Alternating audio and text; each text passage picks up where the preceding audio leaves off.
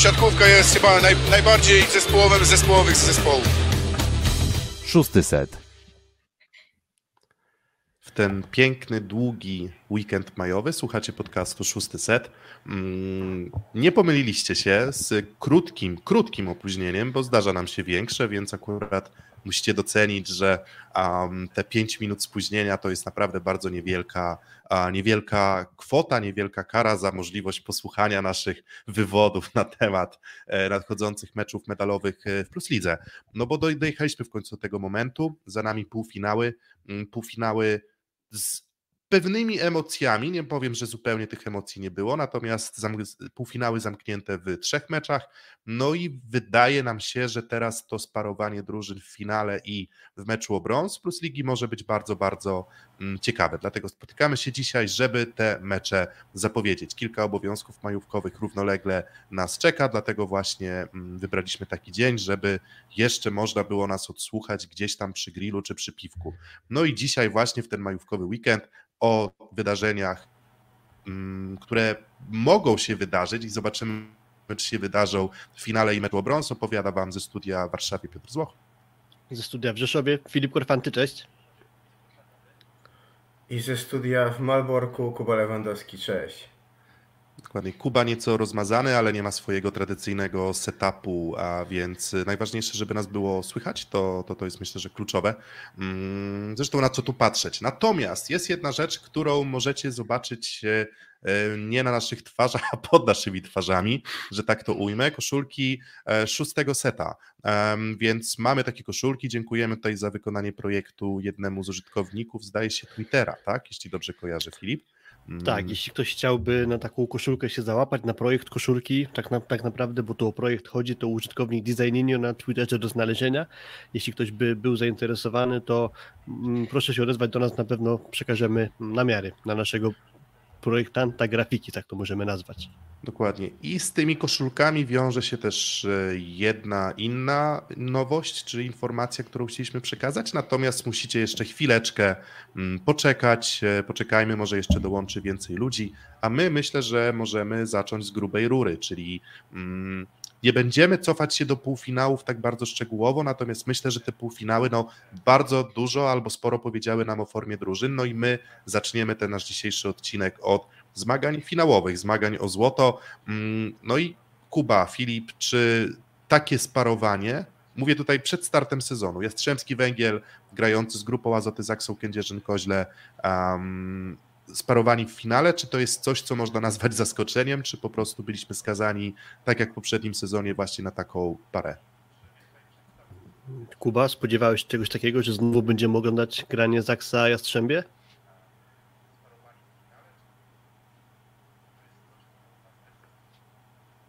Kuba, jesteś z nami?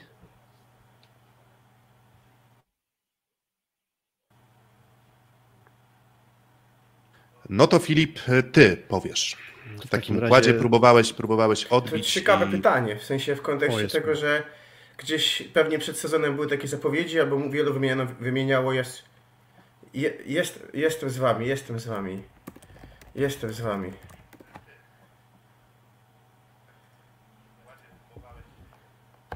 Dobra, to myślę, że tam jakieś opóźnienie delikatne u Kuby się pojawia, więc y, po prostu mm, tak jakby nasz dźwięk docierał do Kuby z pewnym opóźnieniem. Więc Kuba, mm, wracaj teraz. Jeżeli usłyszysz, to po prostu mów o tych zaskoczeniach. Okej, okay, ja tymczasem przejmę Halo? mikrofon i postaram się jakoś swoje zdanie w tym temacie wyrazić. E, pytałeś o to, czy to jest zaskoczenie, że ponownie mierzy się ze sobą Jastrzębski Węgier z grupą Azoty Zaksą i e, jak e, robiliśmy odcinki zapowiadające ćwierćfinały, to w sumie słusznie przewidzieliśmy, jak będzie wyglądać rywalizacja w półfinałach. My też robiąc zapowiedź półfinałów, też spodziewaliśmy się, że właśnie Jastrzębski Węgiel i grupa Azoty Zaksa Kędzierzyn Koźle przejdą swoje półfinałowe pary, więc to nie jest dla nas zaskoczenie pod kątem już samego ułożenia drabinki playoffów, ale też nawet patrząc na to, co działo się mm, przed sezonem w naszych e, przewidywaniach sezonowych, to też nie można powiedzieć, że to jest jakieś wielkie zaskoczenie czy sensacja. Naprawdę pewnie, gdyby jakieś ankiety odpalić, to każdy by powiedział, że Jastrzębski i Zaksa to może być główny faworyt do grania o złoto w wielkim finale. Nawet na, yy, znaczy inaczej, mm, w sumie nie, niekoniecznie, bo mamy Zaksę bez y, Bednoża jeszcze wtedy, to może nie, to trochę później, dołącza Bednoż. No właśnie trochę, trochę do tego piłem też, tak, bo mhm. przed sezonem wydaje mi się, że jednak więcej było wiary w zawiercie. Tak mi się wydaje, że jednak Jastrzębski Węgiel był traktowany jako pewniak, ale z Zaksą, no to nie ma Semeniuka, system, słabsze alternatywy w postaci Żalińskiego, Staszewskiego. Mniej więcej tutaj ocenialiśmy Zaksę, tak? czyli w kontekście takiego składu. No i dla mnie jakby patrząc przed startem sezonu, to jest zaskoczenie na pewno, tak, że, że, że, że widzimy, widzimy ten skład i myślę, że też pewnym zaskoczeniem jest to, że finalnie tak to się poukładało, że pierwszy raz od dłuższego czasu drużyny numer 1 i 2 po fazie zasadniczej nie awansowały do, mm, do, do finału plus ligi. Nie wiem, czy kiedykolwiek taka historia miała miejsce. Czy jak jeszcze była Delekta Bydgoszcz jako zwycięzca rundy zasadniczej, to była pierwsza Delekta, drugi nie pamiętam, trzecia Resowia, czwarta, znaczy trzecia Zachsa, czwarta Resowia i wtedy chyba odwrotnie się ułożyło, że Resowia była zdaje się mistrzem, później wicemistrzem Zachsa, chyba Skra trzecia i czwarta Delekta, więc jakby po rundzie zasadniczej się kolejność pierwszej czwórki odmieniła, więc to nie jest tak, że pierwszy raz w historii nie mamy pierwszej i drugiej drużyny rundy zasadniczej w finale, natomiast ja przedtem faktycznie jakoś tak już mi się wtopił w Zachsę Bedność, że totalnie zapomniałem o tym początku sezonu, że tam jeszcze przecież Kariagin był, ale już jak przychodził Bednosz, to już sporo głosów się pojawiało, że Zachsa staje się głównym faworytem do tytułu i na razie jest na dobrej drodze. Zostało jej tak naprawdę dokonanie ostatniego kroku, pewnie najtrudniejszego, jak będziemy o tym rozmawiać jeszcze. Kuba, jesteś z nami już? Jestem z wami, jestem z wami. No to lecisz o tym zaskoczeniu. Zaskoczenie, nie zaskoczenie akurat, że Jastrzębski Węgiel i Zaksa? zaskoczenie, aha. Wiesz co, ale byś, byś wiedział na początku sezonu, że zamiast Kargina jest Bedność, to byś powiedział, że w finale będzie Zaksa? Mm, no ale wiesz, no ja typowałem, że Jastrzębski Węgiel i Zaksa. Finalnie. Znaczy ja uznałem, że problemem z Żalińskim, okay, no że, że brak Żalińskiego, znaczy, że brak Semeniuka i zastąpienie go Żanińskim, Staszewskim, Kariaginem, że systemowo Zaksa i tak będzie mocna. Więc jakby spodziewałem się finału, ale teraz jakby. No i jest. Przed, ale, ale, nie, ale, nie, ale nie wskazywałem ich jako faworyta. Jednak Jastrzębie było moim faworytem do złota. Zdecydowanie. Bednosz przyszedł i zmienił trochę zasady gry. Ale dopóki nie było Bednosza, to zapowiadało się raczej na to, że Zaksy nie będzie w finale. Tak, Kuba? No właśnie, z jednej strony tak, z drugiej strony dużo wygrywali systemem, prawda? Jeżeli już wygrywali wcześniej jakieś mecze trudne, to wygrywali tym systemem. I to jest ta kwestia, którą trzeba powiedzieć otwarcie. W Zaksie, tak jak powiedział Piotrek, y, była. Doszedł Bednosz i tak naprawdę wniósł trochę na plecach do finału Zaksę, ale wniósł ją y, y, oczywiście w dużej mierze własną grą na wysokiej piłce, ale dalej ten system blok obrona, który istniał, Bednosz tylko poprawił, tak? Jego blok na skrzydle, którym karmił Muzaja, e, dał bardzo dużo punktów, ale na przykład nie karmił Webera i to było dla mnie trochę zaskoczenie playoffów jednak to, jak dobrze sobie radził Niemiec na, na, na tle tak trudnego bloku Zaksy, ale poza tym, no to ta Zaksa tak naprawdę miała problemy w tym roku z sideoutem, nie miała z blok obroną. Ulepszył jeszcze blok obronę Bednosz i w tej chwili rozwiązuje problem z sideoutem w dużej mierze. Właśnie, no bo mm, na naszej miniaturce nawet i o postaci właśnie Bartka Bednoża wywołanego do tablicy, chyba trzeba chwilę, chwilę trzeba na to poświęcić. Mm, absolutnie najlepszy zawodnik od jakiegoś czasu plus ligi, co do tego wątpliwości nie ma. Ja też nie wiem, no mogę posypać się. Wielkanoc była jakiś czas temu, mogę posypać się popiołem. Nie spodziewałem się aż tak fenomenalnej, fantastycznej gry Bednoża spodziewałem się, że będzie na pewno wkładem dodatnim względem na przykład Żalińskiego czy Staszewskiego, natomiast to, co on robił, no to nie jest moim zdaniem nadużyciem i tutaj mogą się kibice Zaksy obrażać na mnie, bo wiem, że te słowa Fabiana Drzyzgi były traktowane trochę tak z przekąsem, albo że o, że tam Zaksa płacze, że Rysowia płacze, że Zaksa wzmocniła się bednożem. Ale prawda jest taka, że patrząc nawet po samych zdobyczach punktowych, to przez ćwierćfinał i półfinał Bednosz tę Zaksę przez plecy wniósł i to nie, nie neguje zupełnie systemu, ale ktoś te punkty musiał zdobywać. I ten przechył w stronę Bednoża był bardzo niezaksiarski. Zaksa tak nie gra, moim zdaniem. Zaksa w ostatnich latach tak nie grała, ta dystrybucja była równiejsza, a tutaj zostało to zachwiane zupełnie. Plus oczywiście Bednosz też dokładał i blokiem, i zagrywką, wszędzie. Więc siłą rzeczy potem kończył z 30 punktami, no to, to są wyniki naprawdę ogromne. No, w porównaniu do poprzednich sezonów Śliwka jest mniej skuteczny, Kaczmarek jest mniej skuteczny w porównaniu do nawet poprzedniego sezonu, a Bednosz to wszystko nadgania na skrzydłach za, za tę dwójkę, tak? Moja teoria jest taka, że gdyby nie obecność Bartosza Bednoża, to bardzo możliwe, że Zaksy nie byłoby w finale plus ligi. E, no bo jak ocenić to, że gra słabo Bartosz Bednosz, pierwsze dwa sety pierwszego meczu wygrywa Rosowia dość gładko, po czym z czasem rozkręca się Bednosz, tam jeszcze kilka rzeczy się zmieniło, jak chociażby Paszycki wszedł za Hubera, no ale Zaksa od tamtego momentu już wygrała trzy kolejne sety, w efekcie pierwszy mecz. W drugim to już w ogóle jest kontr teatr jednego aktora w wykonaniu Bednoża. Oprócz fenomenalnej gry w ataku, gdzie Rosja nie potrafiła w żaden sposób znaleźć na niego sposobu i tam tak naprawdę jedyny blok to było zagranie trochę mm, ratunkowe, jedna ręka wystawiona przez Fabiana Drzyzgę i wtedy udało się Bednoża zablokować. W trzecim secie ponownie świetny jego występ, nawet mimo tego, że pojawiły się u niego jakieś problemy z kolanem, które trzeba było w trakcie meczu trochę yy, ratować.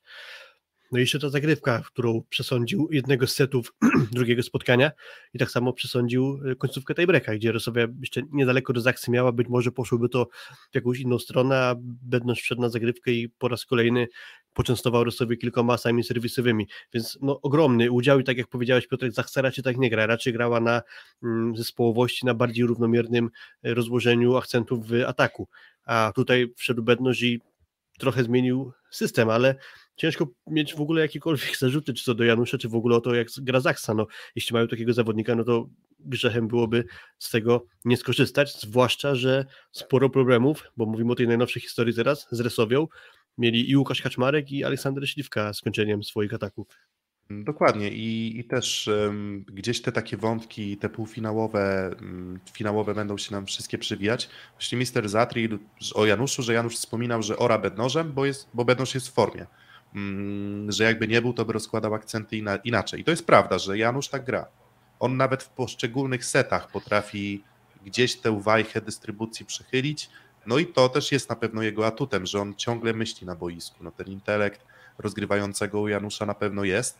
Tylko, że mówię, no jakby systemowo przyzwyczailiśmy się takiego układu, że porówno Kaczmarek, ty nawet Kuba pamięta w poprzednich sezonach Ligi Mistrzów, to wspominałeś, że Kaczmarek, Śliwka, Semeniuk w Lidze Mistrzów praktycznie porówno. Teraz już poszło to w zupełnie inną stronę, no ale działa, więc na końcu jakby to tylko efekt, może, można powiedzieć, w jakiś sposób mm, pozwala na zdefiniowanie tego, jak ta Zaksa gra. Jeżeli wygrywa, a wygrywa, no to wydaje się, że gra dobrze, ale, ale czy gra tak dobrze w tym momencie, jak jest Strzemski Węgiel. I ja od, chcę odciąć kwestie mentalne, bo o nich na pewno porozmawiamy, ale widzieliśmy Zaksę, widzieliśmy Jastrzębski Węgiel, no i wydaje się, że świeżej, lepiej, łatwiej, bardziej taką ciekawszą, urozmaiconą siatkówkę na teraz gra Jastrzębski Węgiel.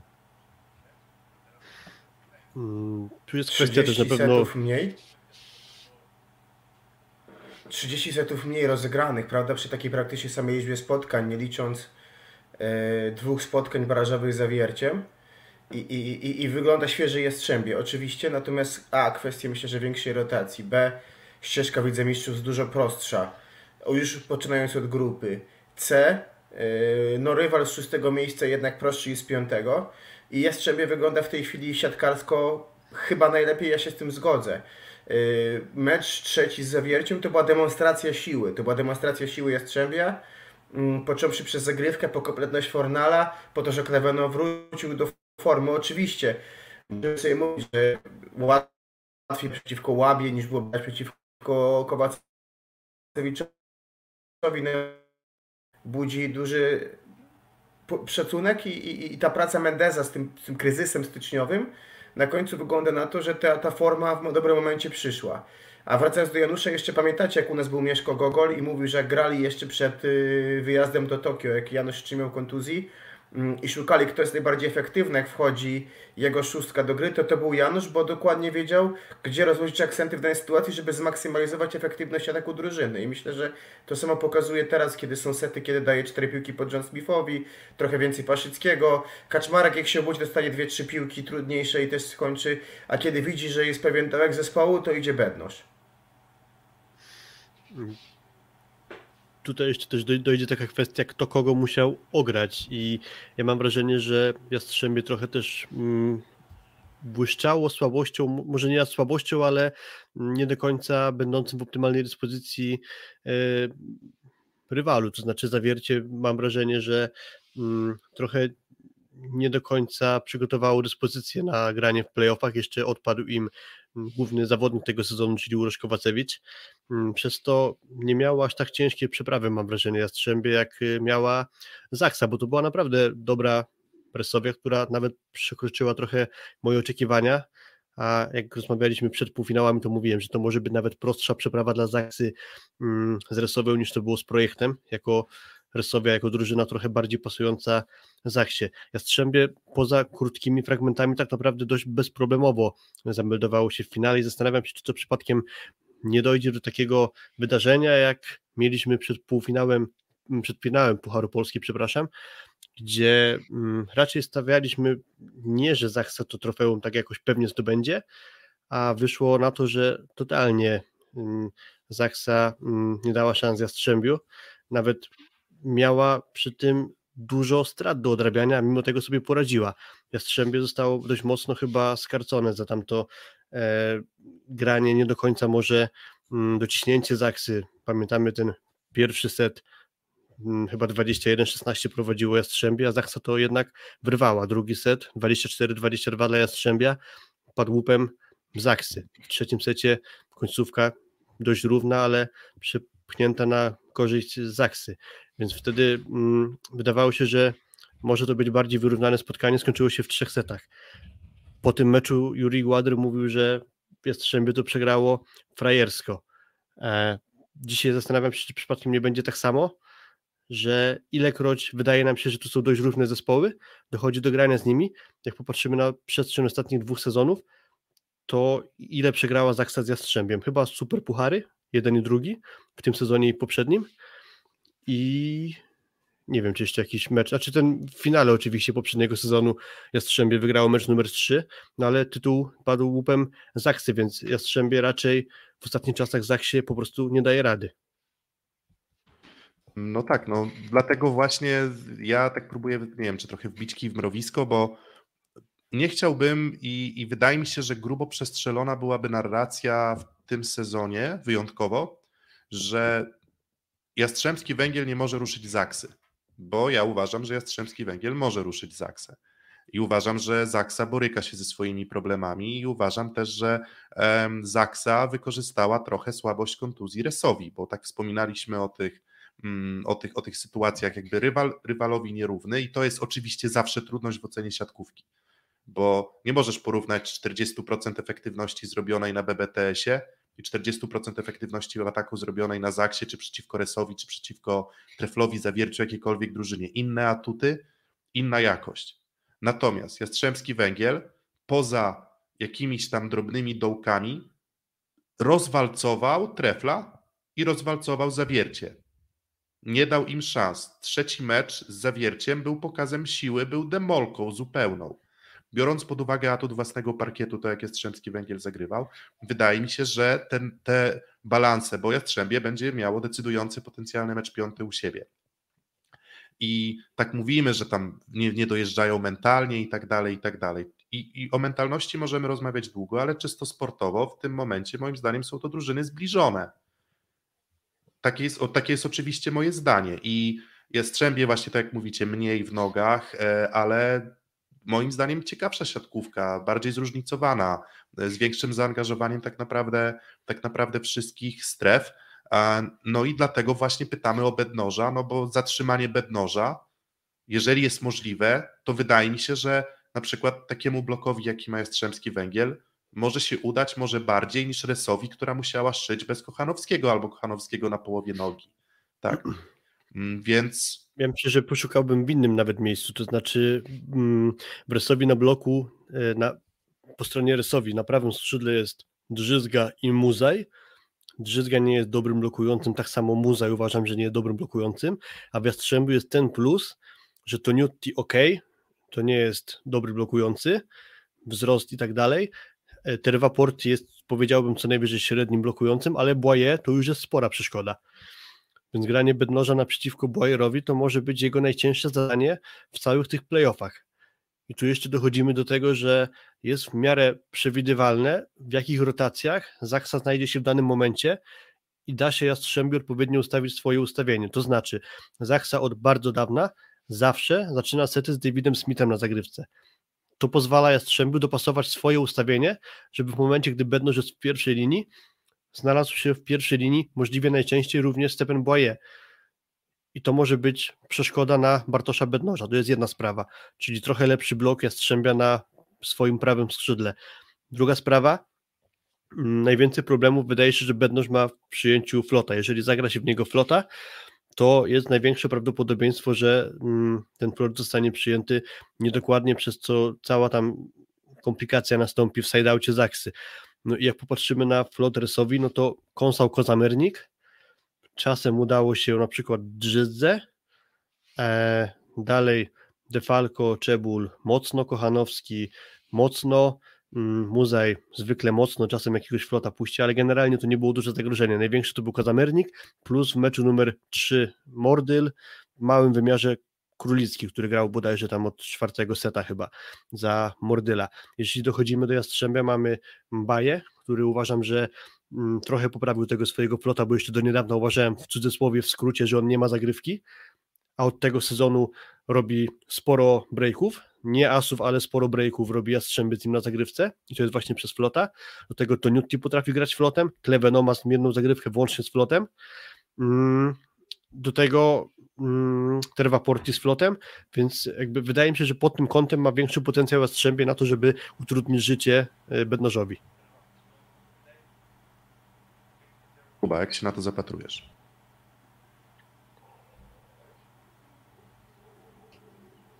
Yy, powiem tak, jak na to mam, mam tak sobie spojrzeć na to obiektywnie, to tak. Pamiętamy finał Pucharu Polski w Krakowie.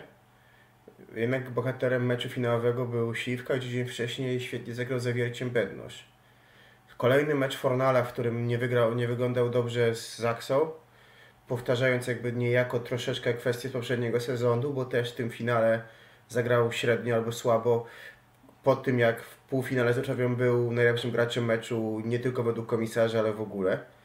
I to są takie kwestie, które będą się w tym meczu na pewno przeplatać, czyli na ile dzisiaj to Jastrzębie nauczyło się już grać z Zaksą, która ewidentnie wie grać moim zdaniem z Jastrzębiem, bo to jest ustawianie bednoża na Błaje, ustawienie śliwki na Toniutiego i wykorzystywanie znajomości Bena na bloku prze, przez, przez Olka, który będzie szedł przez niego.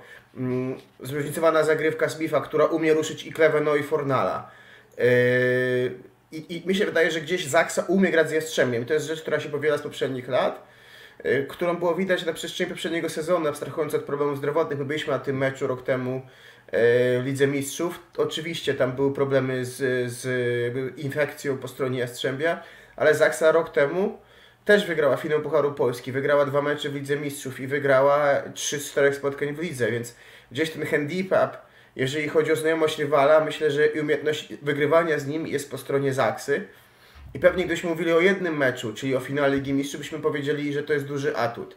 W kontekście długiej rywalizacji i jednak tego, że Zaksa późno wchodzi w mecze, widać to, to fizyczne zmęczenie, oni się nauczyli z tym grać, oczywiście, ale to się nawarstwia i jeżeli znajdzie się rywal, który nie będzie swoją grą dramatycznie falował, bo taka była Resowia, która była, było, trafiła być przepiękna w tym sezonie i tak chociażby było w pierwszym meczu półfinału, te dwa sety to była Resowia przepiękna i potrafiła być fatalna. Jeżeli znajdzie się rywal, który będzie umiał też pocierpieć i te swoje gorsze momenty pokonać, a myślę, że Jastrzębie jest do tego zdolne, bo widać to było Hal z Halbankiem chociażby, że umieli przetrwać ten słaby moment drugiego, trzeciego seta, no to będzie im na dystansie dużo łatwiej z tą Zaksą rywalizować. Yy, druga rzecz, jeszcze którą chcę do tego się odnieść, nie będzie grania dzień po dniu, który jest moim zdaniem ogromnym atutem Zaksy, bo na zmęczeniu ograli, przy podobnym zmęczeniu ograli dość łatwo i projekt, i yy, Resowie. Tu jednak zawsze będą 3 dni przerwy. Jeszcze dodatkowo ta odległość pomiędzy halami jest taka, że to w zasadzie nieistotna praktycznie, tak jakby to jest inna hala, oczywiście jakby wsparcie kibiców pod wieloma względami mm, to robi swoje, natomiast natomiast jakby te, te, te wyjazdy, bardzo szybko jesteś u siebie, bardzo szybko możesz rozpocząć regenerację, e, pracę we własnej hali, więc nie będzie tak, nie wiem, hipotetycznie, że tam, nie wiem, Jastrzębski Węgiel, jakby tam AZS Olsztyn wygrał mm, z Zawierciem, no to musiałby jechać Iława, a potem Jastrzębie, potem Iława, Jastrzębie i tak dalej w starciu o, o brąz, albo przykładowo Iława, Rzeszów, Iława, Rzeszów, tak, patrząc po, po meczach y, brąz. Tutaj tego problemu nie będzie, więc to w zasadzie tam kwestia godziny, półtorej chyba do dwóch godzin, jeżeli dobrze pamiętam, pomiędzy Kędzierzynem Koźlem a, mm, a Jastrzębiem, jeśli chodzi o czas przejazdu.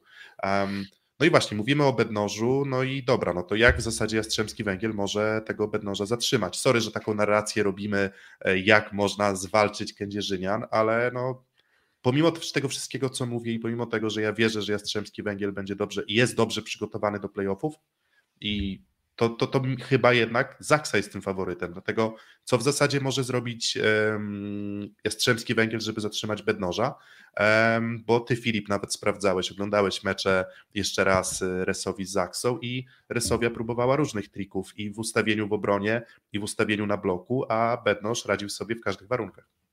No tak, trochę to wyglądało tak, że wystawić piłkę do Bednoża jakąkolwiek i Bednoż sobie z tym poradzi. I naj, to w sumie z tego wszystkiego wygląda to, że Żyzdze się udało Bednoża zablokować dzięki temu, że gdzieś jedną rękę, jedną rękę trochę przełożył w jakiś nietypowy sposób i akurat piłka trafiła w tę rękę, a poza tym no niemal niełapany był Bartosz Bednoż i faktycznie Rysowia na przestrzeni mm, ty, tych spotkań, tego jak rósł Bednosz w ataku, jakim problemem dla Rysowi się stawał, to próbowała wielu różnych sposobów. Od tego, że zostawiała jednego z obrońców gdzieś na dziesiątym metrze, po takie rozwiązania, że trzech obrońców niemal w linii na dziewiątym metrze stało, żeby próbować wyłapać piłkę odbitą od bloku, no ale wtedy zostawia się dużo pola gdzieś blisko trzeciego, czwartego metra. Akurat jedna z takich akcji była, że Bednosz kiwnął w trzeci, czwarty metr w momencie, gdy cała trójka obrońców oprócz trójbloku stała gdzieś na ósmym, dziewiątym metrze okopana. E, próbowali się w różnoraki sposób ustawiać i bardzo mało skutku dobrego to przynosiło. Myślę, że fantastycznie wyglądał Bedno, jeśli chodzi o fizykę, to znaczy mm, z dużą lekkością udawało mu się dość duży mm, zasięg łapać, przez co naprawdę trzeba było do niego bardzo wysoko równo skakać, żeby cokolwiek móc tam dotknąć, a nawet ju, jeśli już, no to udawało mu się skutecznie obijać blok. Tak naprawdę nie jestem w stanie wskazać, co należy zrobić, żeby udało się go zatrzymać. Mówiłem już przedtem o tych dwóch aspektach, które być może mhm. sprawią, że Jastrzębie jednak trochę będzie w stanie go spacyfikować, czyli to ustawienie Błaje jako świetny blokujący naprzeciwko niego, a nie Muza i Drzyzga, no i może też pokąsanie flotami, w sensie im wyższa piłka, tym musi mieć bedność trudniej. Może z biegiem spotkania, jeśli Jastrzębie będzie w stanie się, Jastrzębie będzie w stanie się w miarę równo trzymać, no to kilka razy się go uda zatrzymać i przychyli Jastrzębie szale setów na swoją korzyść, ale mm, po tym jak się prezentował, dodając do tego jeszcze tydzień odpoczynku między meczami, to wydaje się, że na najgorsze musi się szykować Jastrzębie i że będzie potwornie ciężko. No właśnie tutaj też pytanie Michał P. na czacie, jak tam kolano bednoża, właśnie Paweł Krzysztofik, no i widzieliśmy, że ta praca fizjoterapeutów nad bednożem, zresztą w, widać to było już jak byliśmy na Torwarze Kuba, gdzie w przerwach pomiędzy setami praca fizjoterapeuty nad bednożem trwała w zasadzie non-stop w tym pierwszym meczu. To był pierwszy mecz tam tiebreak pomiędzy od trzeciego, set, od trzeciego seta, Mm, pomiędzy trzecim a czwartym, pomiędzy czwartym a tiebreakiem non-stop dużo było pracy nad bednożem. Tylko, że on później znowu, tak jak mówiłeś Filip, wstał i, i, i, grał dalej bardzo dobrze, tak? Jakby, jakby bez, bez specjalnego wzbudzenia. Podobnie tutaj. No i, i, i powiem szczerze, no jakby żaden klub nie piśnie ani słowa na temat tego, jaki jest rzeczywisty stan zdrowia E, Bartka Bednoża. Tak? No jakby pod, nikt nie będzie na tym etapie sezonu i przy tak istotnych meczach w ogóle podawał ręki rywalowi, mówiąc, że no jest ryzyko, że tam Bednoż nie zagra. No ale no te zabiegi, patrząc okiem laika na to, co się działo, wyglądały jak coś jednak już bardzo intensywnego, tak? No i mm, to też jest tak, że nie, wiecie, no bo tak chcielibyśmy, żeby Bednosz to było, była cała Zaksa, to nie jest prawda absolutnie, bo Zaksa ma jeszcze wiele atutów, no ale mm, no chyba wydaje się być taką normalną, oczywistą taktyką, że tego obciążenia na bednożu zagrywką będzie chyba ogrom, tak? Myślę, że on będzie musiał bardzo dużo przyjmować i bardzo długo e, pracować na, na nogach. No i to było widać Piotrek w Warszawie, prawda, że w czwartym secie gdzieś ta jego praca na nogach w pierwszym meczu wyglądała już gorzej. E, I to umiała zrobić Warszawa w pierwszym meczu, w drugim już tego zabrakło. I e, Resowia próbowała, ale tak jak powiedziałeś Filip, tam nie wszyscy tak mają tą zagrywkę, którą byli w stanie trafić w, w bednoża. Po stronie Jastrzębia, to też już powiedzieliście, więc nie będę się powielał, jest trochę tych zagrywających, którzy to umieją, ale też to nie jest drużyna, mam wrażenie, która najlepiej szanuje zagrywkę. Bo momenty są takie, że na przykład Jurek Gładyr zagrywa właściwie w zależności od dnia. Boyer to też jest osoba, która szanuje zagrywkę. I mi się wydaje, że jeżeli Jastrzębie będzie w stanie się przekonwertować na granie y, wadami Zaksy, to co Zaksa świetnie robi z Jastrzębiem, czyli gra ich wadami, no to czysto sportowo są faworytem, ale w dotychczasowych spotkaniach na przestrzeni ostatniego roku w bardzo podobnych składach tego zrobić nie potrafili. I jest teraz pytanie, czy mając czas odpowiedni, mając teraz, wydaje się, topowego trenera, czy będą w stanie się na tyle dopasować, żeby te wady, zakcje, które są, które widzimy w tym sezonie, które wynikają mm, w największej mierze z ich własną akcją yy, i pewnie na pewno mają jakieś zakorzenienie w zmęczeniu, czy będą w stanie imi się nażywić i z nich czerpać. Bo, bo do tej pory to umiała zrobić momentami Warszawa, momentami. Resowia nie, bo Resowia jak wygrywała sety to dlatego, że grała kapitalne sety, bo to trzeba powiedzieć sobie otwarcie, yy, czy to były sety kapitalne Muzaja, niektóre Czebula, czy Defalco późniejsze w drugim i trzecim meczu, to, to tym się żywiła Resowia. Ale poza Warszawą w czwartym i piątym secie Y, pierwszego, spotkania na torwarze pierwszego, pierwszym setem drugiego spotkania na torwarze i momentami w rewanżu, nikt tego nie umiał zrobić. I Trentino, i Trentino momentami, tak? Trentino, kiedy wracało w rewanżu jakby do super, do złotego seta. No to tak naprawdę mało kto umiał to zrobić, a Zaksa się żywi rywalami regularnie. I to jest pewien, moim ale, zdaniem, ale... klucz, klucz. Ale, ale dobra, ale chyba to czy się zgodzisz z tym, że Jastrzębski Węgiel to jest charakterystyka jednak grania taka, bardziej trentińska niż perugiańska. No oczywiście, oczywiście. Natomiast do tej pory nie umieli tego wykorzystać. Nie umieli tego wykorzystać tak bardzo, bo przypominając sobie poprzedni sezon, no to ten mecz trzeci, jak wygrali trzeci mecz w, w finale, no to, to była zmiana Szymury, kontuzja Hoopera. Y, finał Pucharu Polski dla mnie był trochę tym odzwierciedleniem tego, co powiedziałem, że weszło Jastrzębie w mecz kapitalnie i dwa, trzy momenty dołków ich zupełnie załamały, bo nie byli w stanie ich przetrwać i, i jakby zejść ze swojej gry bardzo dobrej do przyzwoitej. Tylko ten dołek był duży i po prostu to jest moim zdaniem klucz. Są bardziej wypoczęci, mają więcej rotacji. Yy, natomiast... Mają dwa mecze z trzech u siebie. Mają dwa mecze z trzech u siebie. Yy, natomiast Myślę, na że... pewno muszą wejść czystą głową do tych spotkań. To będzie klucz, żeby zapomnieć o tym, co już było. No, zresetowanie głów na pewno. Może też dojdzie taki czynnik w postaci, nie wiem, ja cały czas mam ogromny szacunek do osiągnięć trenerskich Marcelo Mendeza i właśnie może właśnie to, jak wiele on już trofeów pozdobywał, będzie miało jakieś przełożenie na ten finał i czymś dodatkowym jeszcze będzie w stanie to Jastrzębie podbudować na przestrzeni, nie wiem, taktycznej chociażby. E, no bo było, nie było, no osiągnięcia swoje trenerskie Marcelo Mendes ma, chociaż Wresowi z różnych względów e, no nie udało się e, w zeszłym sezonie do końca tak jak powinno być. Mm, już mniejsza o tamten sezon. Teraz mówimy dużo o Bednożu, że faktycznie on jest teraz postacią numer jeden i od niego może dużo zależeć, ale też może się okazać, że Bednoż zagra trochę słabiej, a wróci do grania. Pamiętajcie, mamy sporo przerwy, sporo czasu na odpoczynek. Nagle wróci do swojego świetnego grania Śliwka, czy może wrócić Kaczmarek i, i to oni pociągną. Tak jak Kaczmarek pociągnął z Trentino, tak samo może być, że Bedność trochę obniży loty, ale to nie sprawi, że Zachsa jako drużyna będzie łatwiejsza do pchnięcia. Nie, bo właśnie widzicie, mm, moim zdaniem, wiem, że ludzie mogą myśleć o tym Pucharze Polski tylko i wyłącznie izolując te, znaczy, że myślą izolując końcówki, wychodząc z założenia, Zaksa doganiała, Zaksa pokazała ogromną siłę mentalną, ja to wszystko kupuję, ale czysto sportowo.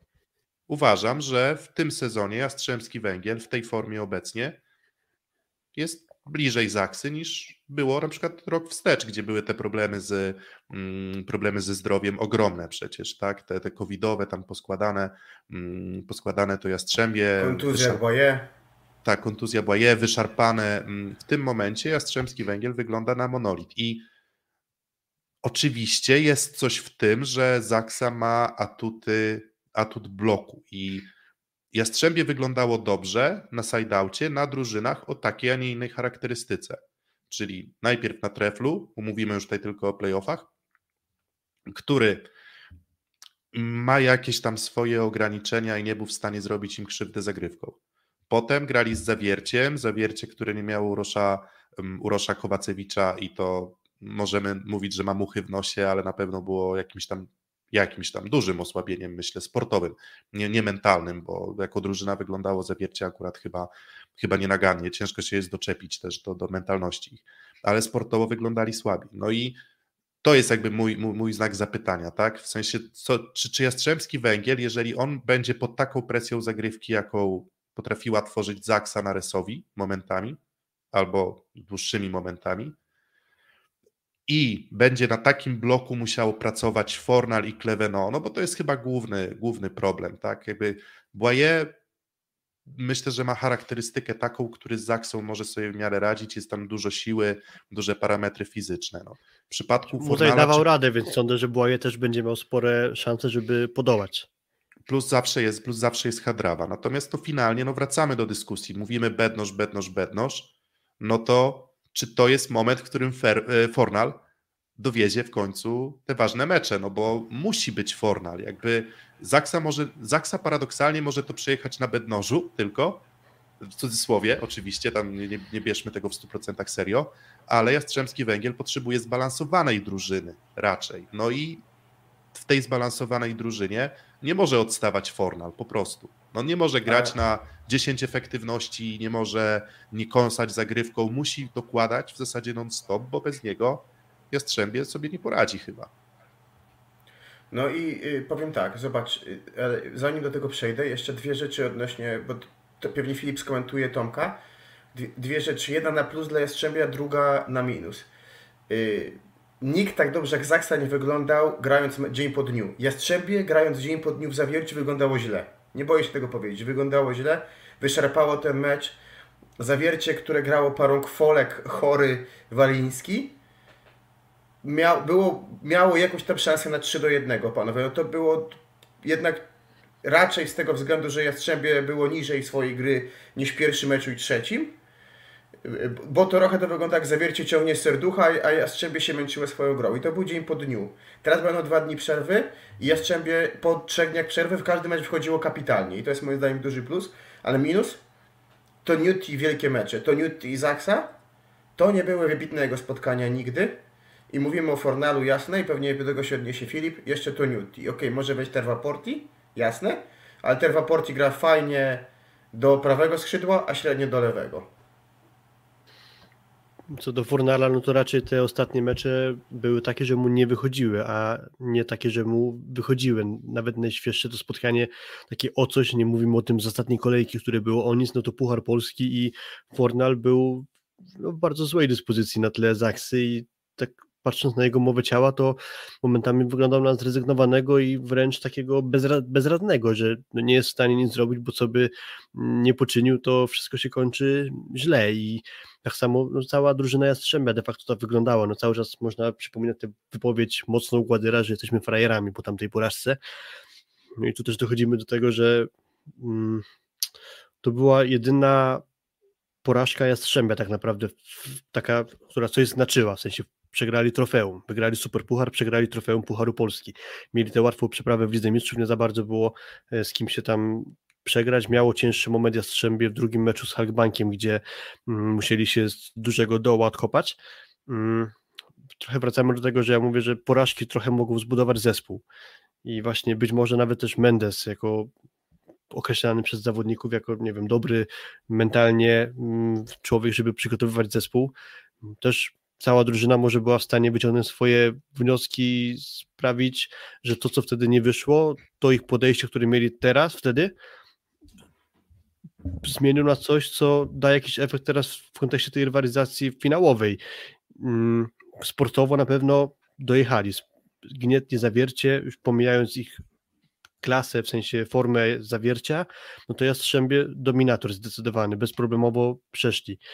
Mm, patrząc jeszcze na te kwestie mentalne, no na pewno teraz będą musieli się jakoś przełamać, ale sportowo no chyba dojechali w formie. E, weźmy pod uwagę, gdyby dzisiaj Zachsa miała mierzyć się z Zawierciem, na pewno nie powiedziałbym, że Zawiercie jest w swojej optymalnej formie i nie ma żadnych problemów. W Jastrzębiu wygląda na to, że dojechali to, co jest ich siłą, to wszystko będą mogli położyć teraz mhm. na szali.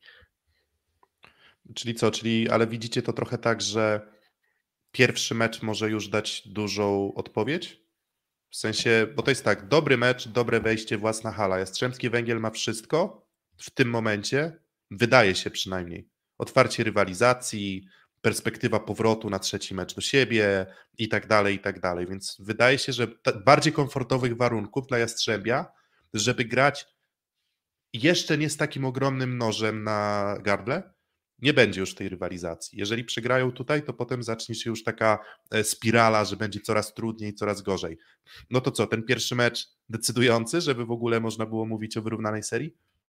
E, Filip, jeżeli pozwolisz, wygrany pierwszego meczu wygra e, rywalizację. Myślę, że to często się powiela i to nie jest odkrycie Ameryki, ale jeżeli powtórzy się Puchar Polski, w sensie mecz, wiesz, dobry Jastrzębia znowu ze złym wynikiem, to będzie już szalenie, szalenie ciężko, bo będzie znowu gadanie, presja, trochę się zagęści sytuacja w szatni na pewno.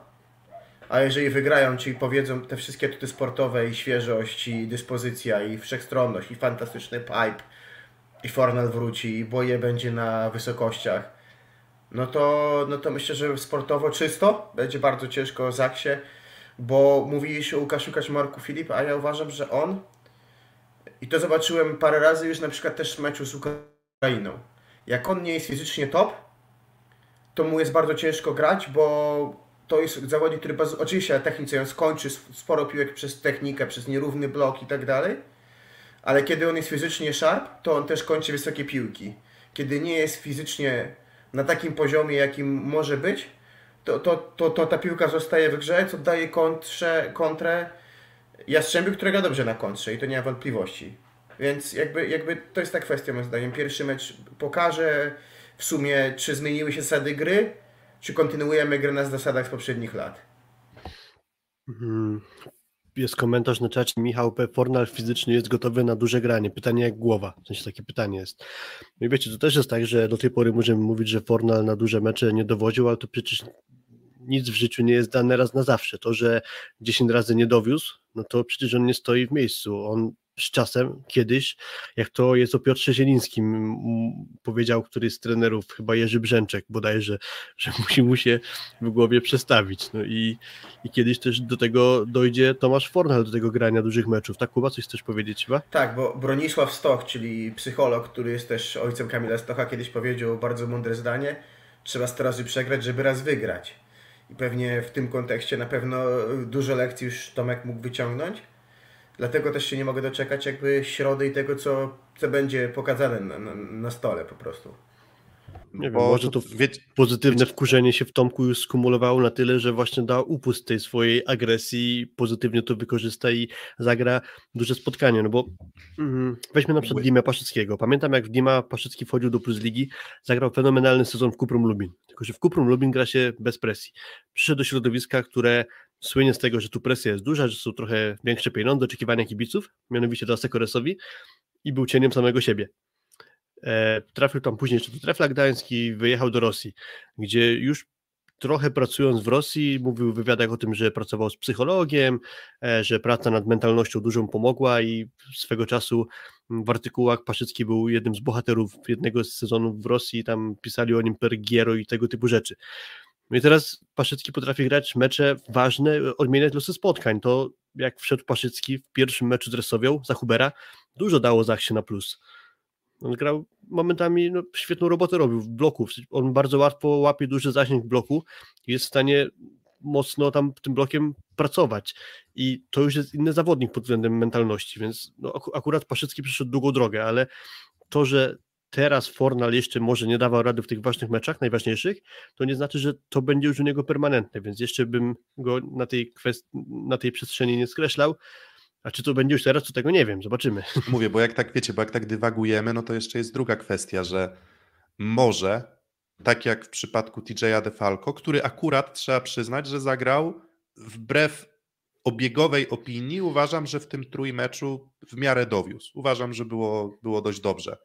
E, natomiast tak jak w przypadku TJ'a DeFalco, mam trochę poczucie, że jego charakterystyka sportowa z tym takim bardzo szybkim graniem, wybijaniem piłek po ręce i tak dalej, a z wrażliwością na przyjęciu też jest jakąś taką charakterystyką, która, którą Zaksa potrafi wykorzystać do bólu po prostu. I tutaj się okazuje w tej, tej serii półfinałowej były momenty, w których trudno im było powstrzymać. E, z Fornalem mam podobną zagwostkę, bo zastanawiam się, czy to jest tylko kwestia mentalności, czy to może jest kwestia pewnych ograniczeń sportowych, właśnie na przykład w, nie wiem, w grze z blokiem, w ponowieniu, właśnie, czy może, może Fornal idealnie radzi sobie w, na każdym rywalu od miejsc 3 do 16, a może na tak wysokim bloku po prostu już sobie nie radzi, na tak dobrze zorganizowanym bloku. Coś, co pokazał też, nie wiem, Mistrzostwa Świata, finał z Włochami.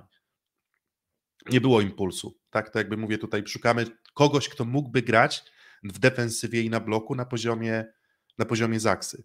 Więc jakby rozumiem tę dyskusję o temacie mentalnym i tak dalej, natomiast to też jest, przy czym Filip, to trochę jest nawet idąc w Twoim kierunku, sportowo też zawodnik się rozwija. I to, co mówisz, pewne prawidła, które truizmy, które dajemy, no to czekamy na to, żeby Forna nie tylko dojechał mentalnie, ale żeby też znajdował rozwiązania.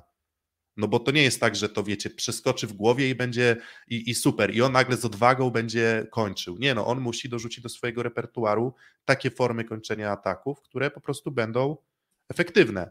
A Fornal z Zaksą właśnie trochę mu tego repertuaru w ostatnich tam kilku spotkaniach zazwyczaj brakowało. Rok temu w playoffach, w finale, jedyny mecz wygrany przez Jastrzębski Węgiel był wygrany na barkach Tomka Fornala to co, to wtedy może, nie może, to wiecie, to, to z tą mentalnością to jest takie triki. Natomiast uśredniając, Zaksa do tej pory ten patent na, na Fornala znajdowała. Wracając na chwilę do Zaksy, mm, wydaje się być oczywiste, ale co jeszcze może dorzucić Zaksa, żeby właśnie wytłumaczyć Jastrzębie, żeby do tego bednoża, który gra bardzo dobrze, albo wybitnie, albo fantastycznie, znajdźmy sobie odpowiedni przymiotnik, no to co, co jest, czego potrzebuje jeszcze Zaksa, żeby nie pozostawić wątpliwości Jastrzębiu, bo się skoncentrowaliśmy na Jastrzębiu. No co zawsze robi, jeżeli Zaksa już wygrywa, to co robi? Wyłącza jednego skrzydłowego na amen. Okej, okay, w ostatnim meczu z Rysowią to był Ma Mauricio, który tak naprawdę był karmiony piłkami przez Fabiana tak często, jak ja bym był, gdyby był na jego miejscu i grał w tej drużynie, mniej więcej. Eee ale daje przede wszystkim, co, co może tak naprawdę najbardziej dać? Myślę, że obrzydzenie im różnorodnością zagrywki sposobu na grę, czyli jakby wyłączenie Toniutiego, jego pomysłu na grę i wejście Trevaportiego, który jest rozgrywającym mniej kombinacyjnym i wtedy tak naprawdę skupienie się na tym, żeby ograniczyć Boye do maksimum na przykład, tak? I, i, I, koniecznością grania przez lewe skrzydło. Czyli tak naprawdę Zaksa może kolejny raz taktycznie gdzieś sprowadzić rywala do gry, która im pasuje. I moim zdaniem to jest to, co może, może zrobić więcej. No i druga kwestia, no jeżeli po ktoś jakby z dwójki, chociaż mówię, Olek Żywka miewa bardzo dobre mecze teraz. E, jeżeli ktoś z dwójki pozostałych środowych pomoże, pomoże Bednożowi, bo moim zdaniem to jest ta kwestia, te, te dwie kwestie. Tu jest, dochodzimy też do tego, że powiedziałem o swojej teorii na pomysł Jastrzębia na granie z Zaksu, to znaczy wracam do tego, że Zaksa zaczyna sety ze Smithem i być może Jastrzębie będzie planowało tak ustawić swoją rotację, żeby mm, maksymalnie często trafiał na bednoża w pierwszej linii, Błaje będąc pod siatką. Może być tak, że w takim razie Śliwka będzie grał naprzeciwko Toniutiego, a wiemy jak zawiercie dość łatwo przechodziło przez strefę Toniutiego na bloku, tak samo może mieć Śliwka, który może ostatnio nie gra równo na wysokim poziomie, ale kilka momentów zresował miał i będąc naprzeciwko bloku Toniutiego powinien mieć trochę łatwiej jeszcze, więc może być tak, że Bednosz swoje dowiezie, a do tego dojdzie jeszcze Aleksander Śliwka, który napsuje krwi swoją grą w ataku, bo będzie miał względnie łatwo. No właśnie, Zaksa, Zaksa według was, jakby to głupio nie zabrzmiało, gra swojego maksa czy nie gra swojego maksa? Bo z Jastrzębiem jest chyba tak, że się zgodziliśmy, że raczej max, a Zaksa? Mówię tutaj, wiecie, przy założeniu, że Bednosz schodzi z poziomu kosmity na poziom dobry, no to to, to, to, to jest max, w sensie wiecie, no bo jakby ile, ile, jeszcze, ile jeszcze Bednosz będzie w stanie grać na poziomie kosmicznym? To wiecie, to jest już nie jeden mecz, a to już jest spotkań siedem w tych playoffach.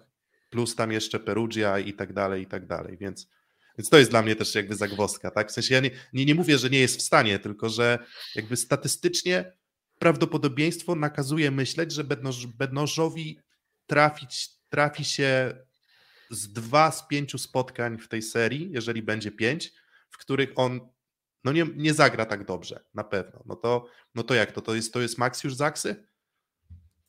Znaczy, myślę, że indywidualnie tam każdy może jeszcze trochę się poprawić, w sensie mm, nawet w kontekście tych meczów stresowych mówiło się o jakichś problemach zdrowotnych Szodziego, Marcina Janusza, więc oprócz tego, że Bednosz oczywiście, bo to było widoczne w transmisji telewizyjnej, to tam jeszcze nie jest tak, że tylko Bednosz jest jakimiś problemami zdrowotnymi, ale pewnie tak samo można powiedzieć o każdym zawodniku, że coś go tam boli. Już teraz mm, mniejsza mm, z tym, ale wydaje mi się, że indywidualnie każdy z graczy, poza Bednożem, który już chyba się poprawić nie może, to tam pewnie każdy jeszcze mógłby w stanie grać trochę lepiej. I Śliwka, i Kaczmarek, David Smith na podpromiu w drugim meczu mam wrażenie, że nie szła mu zagrywka, pomijając ten po początek, gdzie serwował sześć razy pod rząd, to potem już zagrywka jego zgasła. Zaczął trochę psuć, zaczął trochę przychodzić na flota, słabo to wyglądało. Już nie był tak groźny, jak mm, zwykle to bywa.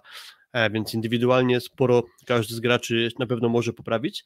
Natomiast to, że ktoś z nich gra trochę słabiej, to nie sprawia, że Zaksa przegrywa, bo każdy dołoży po trochę, nawet nie musi grać swojego maksa, ale ten cały system tych sześciu ogniw, które są na boisku, tak działa, że i tak przepychają spotkania. Mm, fajnie to powiedział David Smith y, w wywiadzie z Kubą, że on nie musi być najlepszy we wszystkim, ale żeby był bardzo dobry w każdym z aspektów siatkarskiego rzemiosła.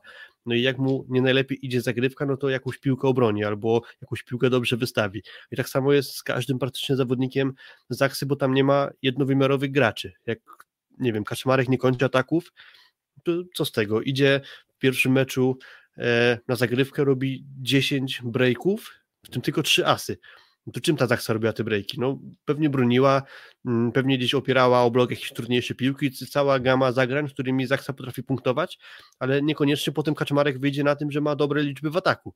Tam mhm. każdy praktycznie gracz jest w stanie coś od siebie dodać takiego, co może potem nie robi imponującego wrażenia w liczbach, no ale przekuwa się to w wygrywanie spotkań. Yy, co my mówimy na swoim czacie, co piszemy. Zaksa umie grać 103% rywala i to jest umiejętność Realu Madryt wicemistrzów w piłce nożnej. To jest taka umiejętność, która jest chyba nie do kupienia w sporcie. Druga rzecz, Samuel Wuo na każdym czasie, on czasami z okiem śliwką się wymieniają, kto mówi, ale na każdym czasie z Resowia mówi we will come back, we will come back. I on jest zawsze kurde come back. Nie? I to jest jakby ta kwestia, która gdzieś czekam aż nie, nie, zrobią comeback, bo rywal będzie umiał przecierpieć ten lepszy moment, jednak zakres swój gorszy, bo to jest moim zdaniem, znowu do tego wracamy. A trzecia rzecz, w ostatnim wywiadzie Fernando Santos powiedział, że polscy piłkarze bardzo często grają tak, że dla nich potem jest istotne, jak ich ocenią media, a nie jak wyglądała drużyna. A w Zaksie myślę, że kluczowe jest to, hmm. że jest to, jak wyglądała drużyna. A to, czy tam Kaczmarek będzie miał krytyków, czy nie, to myślę, że na końcu systemowi Zaksie, który dla mnie symbolem jest Michał, Michał Hadała z Wisa. Po prostu. Wiesz, bo to jest, to jest tak, że wiesz, że mm, właśnie z Wisa mu, albo jak to było tam w tym memie z Glikiem, że tak, że coś mu lata, tak? że koło lata mu pierdzielenie kibiców, tak? E, I myślę, że Zaksa tak po prostu do tego podchodzi, tak na zasadzie tam, tam Kaczmarek się śmieje, tak na zasadzie, jeżeli słucha albo kojarzysz z tego seta, był już kiedyś u nas gościem, no to wiesz, nam mówi, co tam, wiesz, tam Kaczmarek, ja gram słabo, co mnie to obchodzi, jakby w sensie na końcu rezultat jest jaki jest i, i jak na razie te rezultaty dla Zaksy są mm, bardzo, bardzo Piotrek, obiecujące. Jakby odzwierciedlił to bardzo dosadnie na Twitterze Norbert, tak? Tam szczekają, a my jedziemy dalej. Trochę, Pendolino, trochę końcu... pendoliniarz, tak? Jak to tak. tam go określał. Tak, tak. Natomiast no, na końcu sporcie zespołowym liczy się wynik i chyba każdy sportowiec nawet jeżeli jest napastnikiem w piłce nożnej, czy atakującym w siatkówce, powie, że zmieni tytuł MVP na złoto jakiegoś yy, zawodów, tak, ważnych, więc myślę, że to jest chyba klucz. Kolektyw. Właśnie, no, no i tak moglibyśmy jeszcze pewnie to rozkładać na czynniki pierwsze, szukać, wiecie, że może Zaksa dzięki Bednożowi jest trochę lepsza na highballu, ale trochę krucha na przyjęciu, że może Jastrzębski Węgiel trochę stabilniej, stabilniej na tym przyjęciu i moglibyśmy dalej pozycja po pozycji iść. Natomiast chyba no właśnie te, te, te wątki, które poruszyliśmy są kluczowe, czyli mentalność Jastrzębskiego Węgla z zaznaczeniem Fornala, kontynuacja formy Bednoża, czy też nie i reakcja Zaksy potencjalnie na to. Mm, no i chyba skoro już znaczy- tak upł- no, Filip? Znaczy dochodzimy jeszcze do kwestii przyjęcia Jastrzębia i przyjęcia Resowi. Teraz sobie na szybko policzyłem, że Zaksa w trzech meczach z Resową wyserwowała 30 asów, czyli średnio 10 na mecz. Mam wrażenie, że Jastrzębie jest dużo trudniejsze do trafienia z zagrywki niż jest Resowia. Po pierwsze dlatego, że mm, Defalco i Czebul są słabszymi w aspekcie przyjęcia przyjmującymi niż Fornal i, e, i Clemeno a do tego też niezbyt dobre spotkania wyszły Pawłowi Zatorskiemu przeciwko Zachcie. Takie odniosłem wrażenie, bo dość często przyjmował dość nerwowo nad siebie, albo też zdarzyło mu się przyjąć na drugą stronę. Już pomijając Asy też Czebul nieraz przyjmował na drugą stronę, Defalco, więc jakby Resowia nie miała uogólniając dobrego przyjęcia. E, I oprócz tego wpadły dużo też bezpośrednich asów. Wydaje mi się, że Jastrzębie będzie trudniejsze trochę do pocelowania zagrywką, więc raczej piłka będzie częściej w grze i tu może być też dodatkowy kłopot właśnie dla, dla Zaksy, że już bezpośrednio idąc ile fabryka dała z zagrywki, może nie przekuwać się to na punkty. Pytanie, Natomiast... czego, pytanie, czego potrzebują. Tak, ale Piotrek, y, myślę, że highball Jastrzębia nie jest najlepszy i to jest moim zdaniem znowu clue, na ile będą w stanie przy tak zróżnicowanej zagrywce, jaką ma Zaksa, y, pokazać też paletę rozwiązań różnych na nie do końca dobrze przełanych piłkach. Nie tylko w kwestii jakby odległości siatki, ale też jakby odległości od środka siatki. Bo yy, z, z zawierciem w meczu trzecim nie było tego problemu, w pierwszym dobrze to wyglądało, w drugim średnio. Mm, tak, znaczy to też było trochę tak, że mm, Jastrzębski Węgiel miał te mecze pod kontrolą w taki sposób, że takich bardzo trudnych, chaotycznych sytuacji to było niewiele, tak. Czyli nawet jak przegrywali te sety, to było tak, że okej, okay, tam pojedyncze gdzieś tam punkty, pojedyncze akcje. No, w tych wygrywanych raczej ten komfort psychiczny był, e, był ogromny. Um, tak się jeszcze zastanawiam, no bo tak mówimy o tych asach, e, a w drugą stronę, tak, no to policzyłem, Resowia. Pięć asów e, w meczu trzecim, 8 asów w meczu, 8 mm, asów i 12, czyli łącznie 25 asów. Też statystyka imponująca też pokazująca siłę zagrywki. No i co, Rysowia ma lepszą zagrywkę od Jastrzębia, czy słabszą? Bo tak punktowo, pu punktowo pewnie nie, ale, ale właśnie tak uśredniając, mierząc to powiedzmy przyjęciem rywala jako całość, tak, licząc floty i tak dalej. To jest lepsza czy gorsza zagrywka? Bardzo podobna. Znaczy ja bym powiedział, że Rysowia ma miała teraz na przestrzeni tych meczów ostatnich lepszą zagrywkę, tylko kwestia jeszcze balansu między flotem a mocną zagrywką, bo co z tego, że Rosowia starała się mocną zagrywką trafiać w bednorze, jak on w miarę jeszcze dyszem sobie radził i przykuwał to na punkty potem zdobytym atakiem. Albo e, obstawiam, że bronią Jastrzębia może być flot.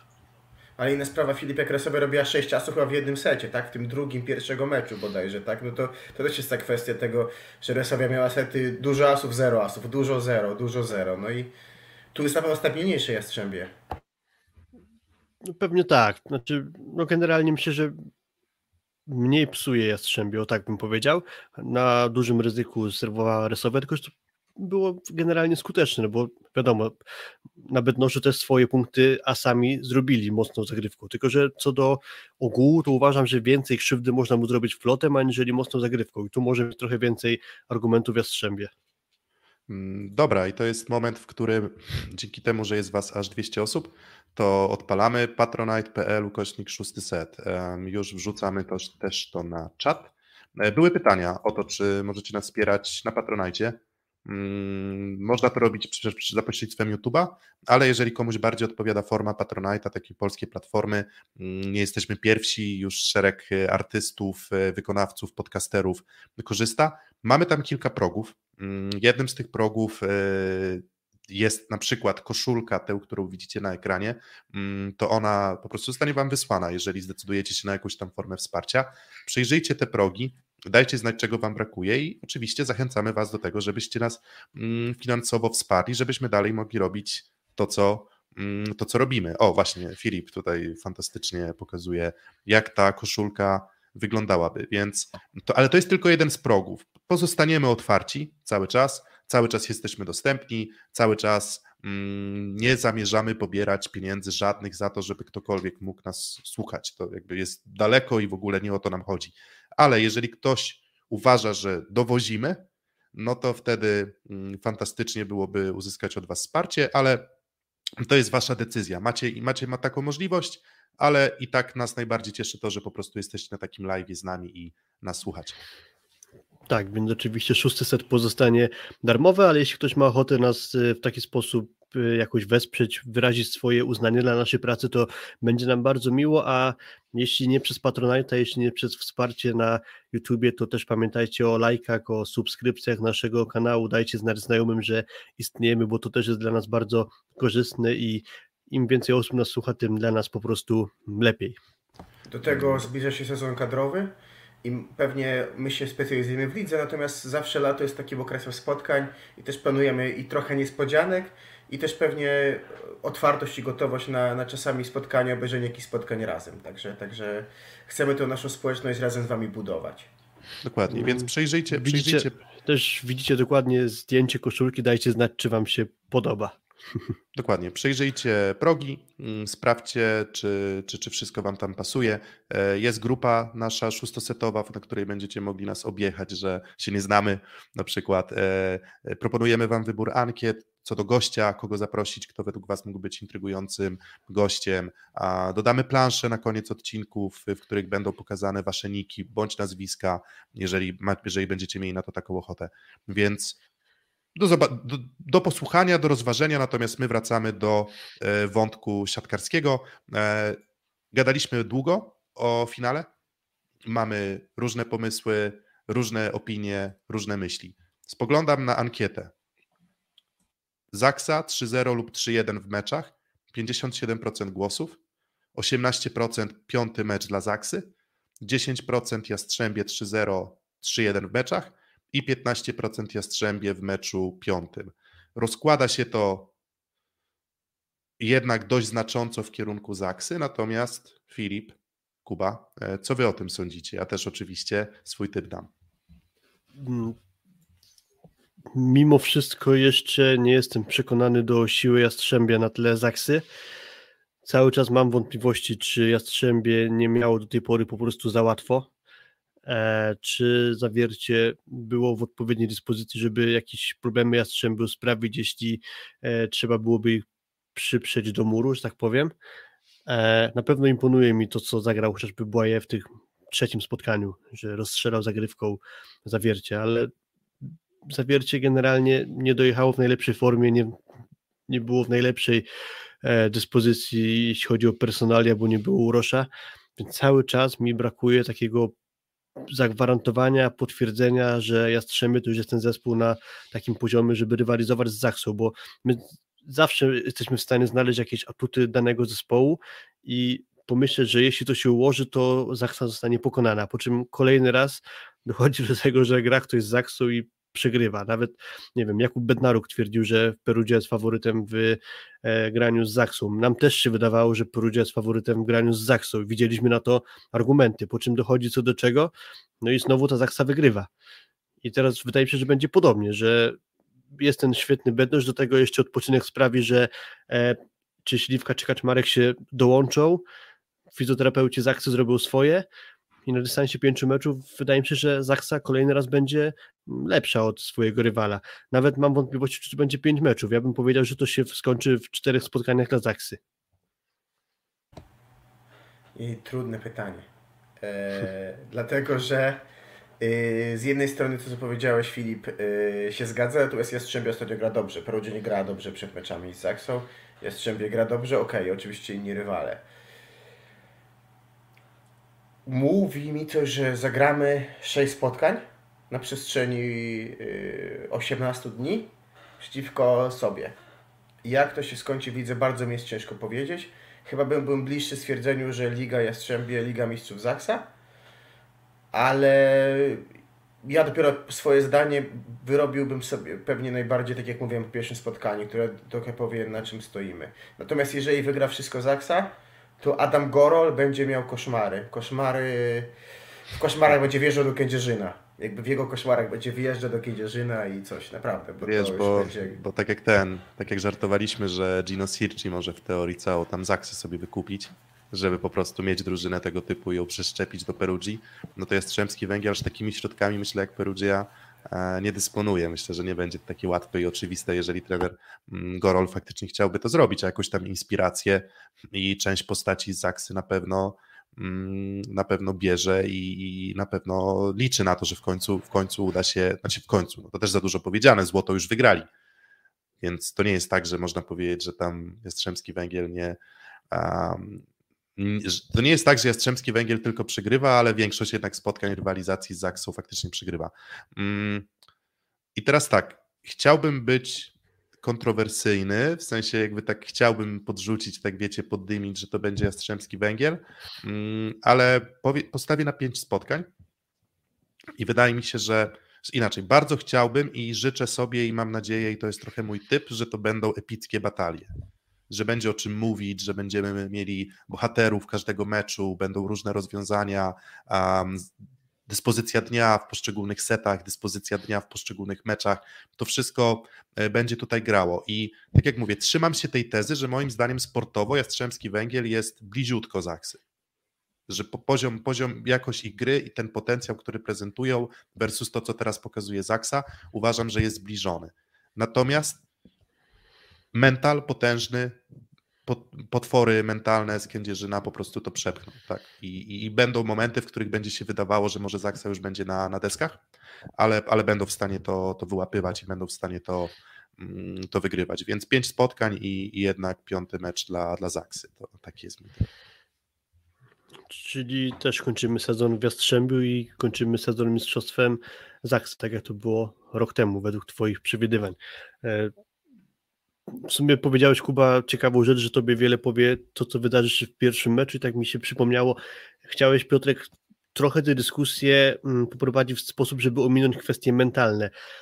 Ale lekko nie, na nie, nie, nawiążę, bo, nie znaczy, chciałem, bo tak, jakby... że pomijając jakby kwestie mentalne, jakby staraliśmy się mówić o rzeczach takich, co się działy na boisku, może źle zrozumiałem, w każdym razie nie, do tego nie do końca, nawiążę... myślę, że, myślę, że było i o tym i o tym, ale, ale chciałem po prostu wyizolować decyzje sportowe, dobra. Okej, okay, ale tylko sobie pozwolę nawiązać. Y, widziałem na żywo pierwszy mecz Resowia Zaksa na podpromu, widziałem go później z odtworzenia i to, co mi imponowało, to z jakim luzem podeszła Zaksa do tego spotkania pierwszego, to znaczy im się ziemia pod nogami w, w pewnym sensie paliła, bo przegrywali 2-0, Resowia ich mocno przyparła do muru, ale nawet jak Zaksie coś nie wychodziło, to był luz, uśmiechy, w ogóle nie było widać jakiegoś spięcia, jakiegoś zdenerwowania, tak jakby oni wiedzieli, że mają przed sobą jeszcze granie do trzech wygranych, więc nawet jak nam dzisiaj się nie uda, że Resowe nas rzeczywiście już przyprze do muru i już e, domknie spotkanie, to tak naprawdę nic się nie stało. To znaczy, mamy jeszcze dużo czasu na to, żeby ewentualnie to granie o finał przedłużyć, pomimo przegrania pierwszego meczu.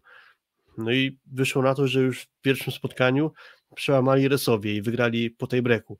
Więc nawet to, że oni przegrają pierwszy mecz, to niewiele musi zmienić, w sensie takim, że Zaksa niekoniecznie może podupaść mentalnie, bo już nieraz po prostu z takich ciężkich sytuacji wychodzili. Co, no to czekamy na Game One. E, pierwszy mecz e, tej pary naszej finałowej w środę, 3 mm, maja o 20.30.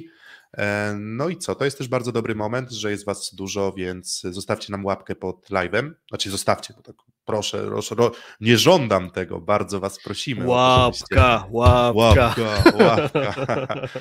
um, więc jest Was dużo, dużo więcej niż tych łapek zostawionych pod nagranie, więc jeżeli Wam się podoba, to po prostu teraz jest fantastyczny moment. Oczywiście jest też tam przycisk subskrybujcie, bo marzy nam się, żeby do tych 2,5 tysięcy, 2,5 tysięcy subskrypcji dojechać szybciej niż później. Um, ale to taka, wiecie, tam dygresja, więc tam pamiętajcie po prostu o tym, dlatego że to nam bardzo pomogło dotrzeć do szerokiego grona mm, odbiorców w ostatnich, e, w ostatnich tygodniach. No i oczywiście odsłuchajcie, jeżeli jeszcze nie odsłuchaliście wywiadu Kuby z Davidem Smithem. Jest to najczęściej oglądany materiał na naszym kanale to nie wiem, czy to źle świadczy o mnie i o Filipie, czy dobrze o Kubie, ale to nie ma większego, e, nie ma większego na pewno znaczenia. Dobrze, dobrze, na pewno to, dobrze świadczy o Davidzie Smithie. Myślę, że najlepiej o nim po prostu. Dokładnie. Dokładnie. E, więc trzymajmy, trzymajmy. Coś nas słychać gdzieś w tle. U Kuba u ciebie pewnie. Okej, okay, naprawione. Dobra. Dobra, trzymajmy się tej, tej narracji. No i co? No i nie możemy nie porozmawiać też o meczu o brąz. Szósty set.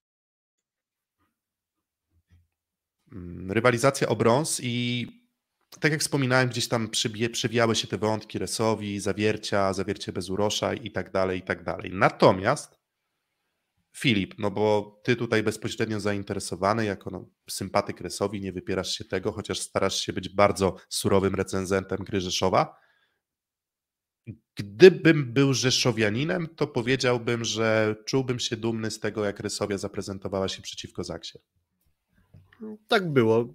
Postawa Rysowi przeszła moje oczekiwania. Spodziewałem się, że Zaksa będzie miała trochę łatwiejszą przeprawę, ale wygląda na to, że Rysowia się zbudowała na właściwy moment sezonu, bo no, na dobre obroty wszedł Maciej Muza i świetnie wyglądał środek, chociaż problemy swoje zdrowotne miał Kuba Kochanowski, niestety tego trzeciego meczu nie dokończył, no ale Jan Kozamernik robi na mnie kolosalne wrażenie, myślę, że nawiązuje swoją grą do najlepszych czasów z reprezentacji Słowenii i e, tych meczów chociażby przeciwko Polsce, gdzie nieraz nam za skórę zaszedł, e, więc dużo dobrego można o Resowi powiedzieć, szkoda tylko, że trochę problemów zdrowotnych przytrafiło się właśnie Klemenowi i też po, powiedziałem Kochanowskiemu, bo może jedne, jeden mecz by Resowia jakoś dla siebie uszczknęła, tak czy tak raczej tak pewnie Zaksa by to e, dowiozła na swoją korzyść, ale patrząc na dyspozycję Resowi wydaje mi się, że weszli na swój najlepszy poziom w tym sezonie, więc to jest na pewno na plus, że wtedy kiedy trzeba to Resowia jest bardzo groźna.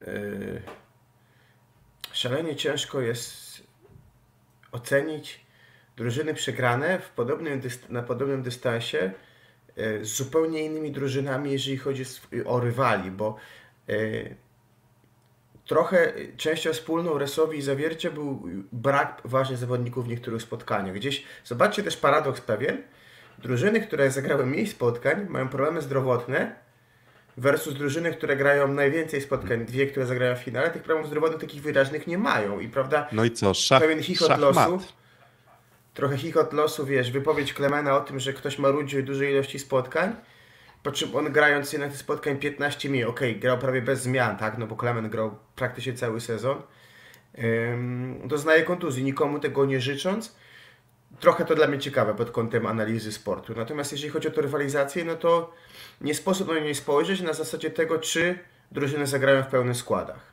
I teraz y, Filip, mówiłeś o tym, że Kuba Kochanowski raczej wróci, to tak Ci się wydaje pod kątem treningów, tak? A tu nie zdradzając pewnie reszty, no to z Klemenem nie wiadomo, bo też pewnie ten uraz jest trochę bardziej yy, trochę bardziej yy, poważny. Ja tylko Natomiast powiem tyle, pytanie... że mhm na dzisiaj moim zdaniem Kochanowski zagra, a czy zagra Czebul nie wiadomo. Natomiast może zagrać w perspektywie pewnie rywalizacji. Natomiast co się wydarzy w zawierciu z y, Kowacewiczem też jest dla mnie ciekawe, no bo y, tak jak powiedziałeś Piotrek, można kwestionować może jego podejście już w tej chwili y, czy motywację, natomiast no... Tak, nie, nie wiemy, nie nim... wiemy czy gra, gra na zwolnienie, nie gra na zwolnienie, trudno powiedzieć. No tak, ale z nim jest po prostu drużyna lepsza, bo nie ma z całym szacunkiem dla Marcina Walińskiego, to i tak zaskakuje na plus w tych playoffach, umówmy się, tak? Bo jeżeli jest zawodnik, który w tym sezonie grał bardzo mało, y, wchodził z Bielskiem i przy 2-2 schodził, żeby ratować wygraną, musiał wrócić kwolek, to potem jeżeli Marcin Woński gra bardzo dobre dwa pierwsze mecze z Olsztynem i gra bardzo dobrze w drugim meczu z Jastrzębiem, to już jest chyba więcej niż można było się spodziewać. No to jest no, szycie, szycie. Tak naprawdę miałem, miałem też taką myśl w kontekście rywalizacji Indykpolu AZS-u z Zawierciem i tam piątego meczu. I tak sobie pomyślałem, mm, po, tych, po tym meczu 3 i 4. Czy Karlicek i Andringa to jest aż taka drastycznie, mówię tutaj po tych meczach 3 i 4, że tam Karlicek bombarduje, Andringa jest zdrowy, bo trochę inaczej poszło to w meczu piątym. Ale miałem takie poczucie, mm, że nie ma aż takiej, wbrew pozorom, przepaści personalnej pomiędzy AZS-em a Zawierciem. Teraz, jak wyizolujemy Urosza Kowacewicza, o którym tłuczemy od początku sezonu, że lider 40-50% czasem piłek w meczu, mm, ogrom, dobra, dobra praca na bloku, przyzwoite przyjęcie, też mocno obciążony, no człowiek orkiestra tego zespołu. Wyizolowujemy to, no i dochodzimy do sytuacji, w której gra Konarski, który trochę jest kryty, jego słabość w ataku jest kryta tempem od Miguela. Grają dwaj przyjmujący, którzy męczą się w ataku i trzeba zaznaczyć, że Kwolek miał problemy zdrowotne i Kwolek wychodził z ciężkiej infekcji w środku rywalizacji z Olsztynem. Więc ludzie o tym nie mówią, no ale powiedzmy o tym, tak, że on dochodzi final, do formy. I finalnie fizycznie chyba nadal nie jest sobą jeszcze. Dokładnie, więc pozbierał się na piąty mecz, dał impuls z tych części, z części przynajmniej setów z Jastrzębiem, ale to też nie, nie oceniajmy go tylko przez pryzmat tego, że tam teraz wypada gorzej, po prostu po, trzeba to powiedzieć, tak, on był chory po prostu i nie był chory troszeczkę, tylko naprawdę go to do, dojechało. Um, ale stawiasz tego kwolka dojechanego, bo musi grać, obok stawiasz Walińskiego lub Łabę, którzy mają swoje ograniczenia i nagle z tego wszystkiego robi się drużyna, która personalnie wydaje się być słabsza od Resowi, wydaje się być słabsza od projektu. Kto wie, może wydaje się być na poziomie może Olsztyna, tak? Jakby tego powiedzmy Olsztyna plus minus. Natomiast cały czas jest tam szereg atutów. Jest Danani i jest, um, jest Miguel, który chociaż też nie, nie, może nie gra wcale, nie grał wcale tak wybitnie, trochę mam wrażenie, że stres go zeżarł w starciu z Jastrzębiem, ale może tyle miało zawiercie po prostu i tyle dało. Więc analizujemy właśnie te wszystkie mecze, zastanawiamy się i tak sobie spoglądam na zawiercie uważam, że w składzie personalnym bez Urosza Kowacewicza i z Kwolkiem na jednej nodze ta drużyna atutów ofensywnych straciła ogrom. A nie ma takich parametrów fizycznych, żeby uciec środkiem, nie ma tego zniszczą, nie ma tego szalacha, żeby atakować na wyższym wolumenie. No i, i tak uważam, że w kontekście tego wszystkiego zawiercie zaprezentowało się dobrze. A i wydaje mi się, że jednak te straty, które ma zawiercie, są stratami mocniejszymi niż Resowi, jeżeli wróci Kochanowski. Że granie TJ Muzaj Borges to jest jednak bez Czebula, to jest jednak mimo wszystko łatwiej niż Waliński łamane na łaba i Kwolek na jednej nodze. Jaki no jest Mauricio? Filip... Każdy widzi, jedno zdanie tylko Kuba, jeśli pozwolisz. Jaki jest Mauricio, każdy widzi, ale faktem jest też to, że Rosowa z Mauricio grała 5 setów z Zachsu w trzecim meczu. Więc jakby ale właśnie... oczywiste osłabienie brak Czebula, ale mimo wszystko Rosowia jakoś tak poukładała swoją grę, żeby z tą Zachsu rywalizować. Ale nie, bo zapytam Cię właśnie, bo wszyscy się z niego śmieją, a kurczę gościu wygląda lepiej niż w Radomiu, jest moim zdaniem zaskoczeniem na plus w tym kontekście i daje i bardzo dużo trudnych zagrywek dobrze przyjmuje. Można mówić, że on nie pracuje tak dobrze na nogach, ale do takiego, do takiego zestawu, akurat jakby miałem zapytać się, czy do którego za, przyjmujących można dostawić mało ruchliwego, dobrze technicznego zawodnika, to będzie do TJ'a. Zgodzisz się? Mm, chyba nie. W sensie, jak okay. przychodził Mauricio, to mówił, mówiło się, że no, chociaż wejdzie i przytrzyma przyjęcia. Moim zdaniem, to nawet przyjęcia Mauricio nie trzyma. Mogę go pochwalić? Nic. Żartuję, ale znaczy, nie, nie chcę się tak, wiecie, chamsko doczepiać, ale to, co chciałem powiedzieć, to mogę go pochwalić na pewno z, z zupełną szczerością za tiebreaka z Zachsu w tym trzecim meczu, gdzie rzeczywiście przyjęcie trzymał. ale poza tym tiebreakiem z Zaksą zdarzało mu się dobrze przyjmować, ale uważam, że wprowadza dużo elektryczności. Nawet jak już piłkę jakieś przyjmuje, no to często nie jest to przyjęcie takie super dokładne, że można z tego grać wszystko, tylko może nie robi bezpośrednich błędów, ale mocno szarpie. Ja spodziewałem się, że da dużo więcej spokoju w tym aspekcie, a tego nie ma. To ja miałem ten, to ja miałem taką myśl, że po kolejnej tam zagrywce nieprzyjętej przez Borgesa miałem takie poczucie, czy to nie jest tak, że trochę go usprawiedliwiamy, bo te piłki wydają się być nie do przyjęcia, a jednak zawodnik bardziej sprawny byłby w stanie jeszcze coś z tego wyrzeźbić, tak? I on po prostu już nie pracuje tak na nogach, tak, żeby, żeby te zagrywki przyjmować, więc częściej spoglądamy na to, że piłka się od niego odbija, wiecie, jak od kawałka drewna, leci gdzieś tam z trybuny i my mówimy, nie no, Mauricio Borges, no to dostał taką bombę, że nie był w stanie przyjąć, tak? A może, a może to nie jest tak, że nie dostał bomby, tylko po prostu, po prostu nie był w stanie już tego Filip... ogarnąć e, fizycznie, a to zagrywka wcale nie musiała być aż taka trudna. A Filip, e, blok i obrona, bo moim zdaniem taktycznie on dobrze zachowuje się na boisku. Mm, obrona ok, jeśli chodzi o blok, to nawet pamiętam, że jakiś pojedynczy blok chyba na Kaczmarku zrobił w trzecim spotkaniu, w trzecim albo w drugim meczu bodajże. Nie, jeśli chodzi o blok, to myślę, że bardzo ok.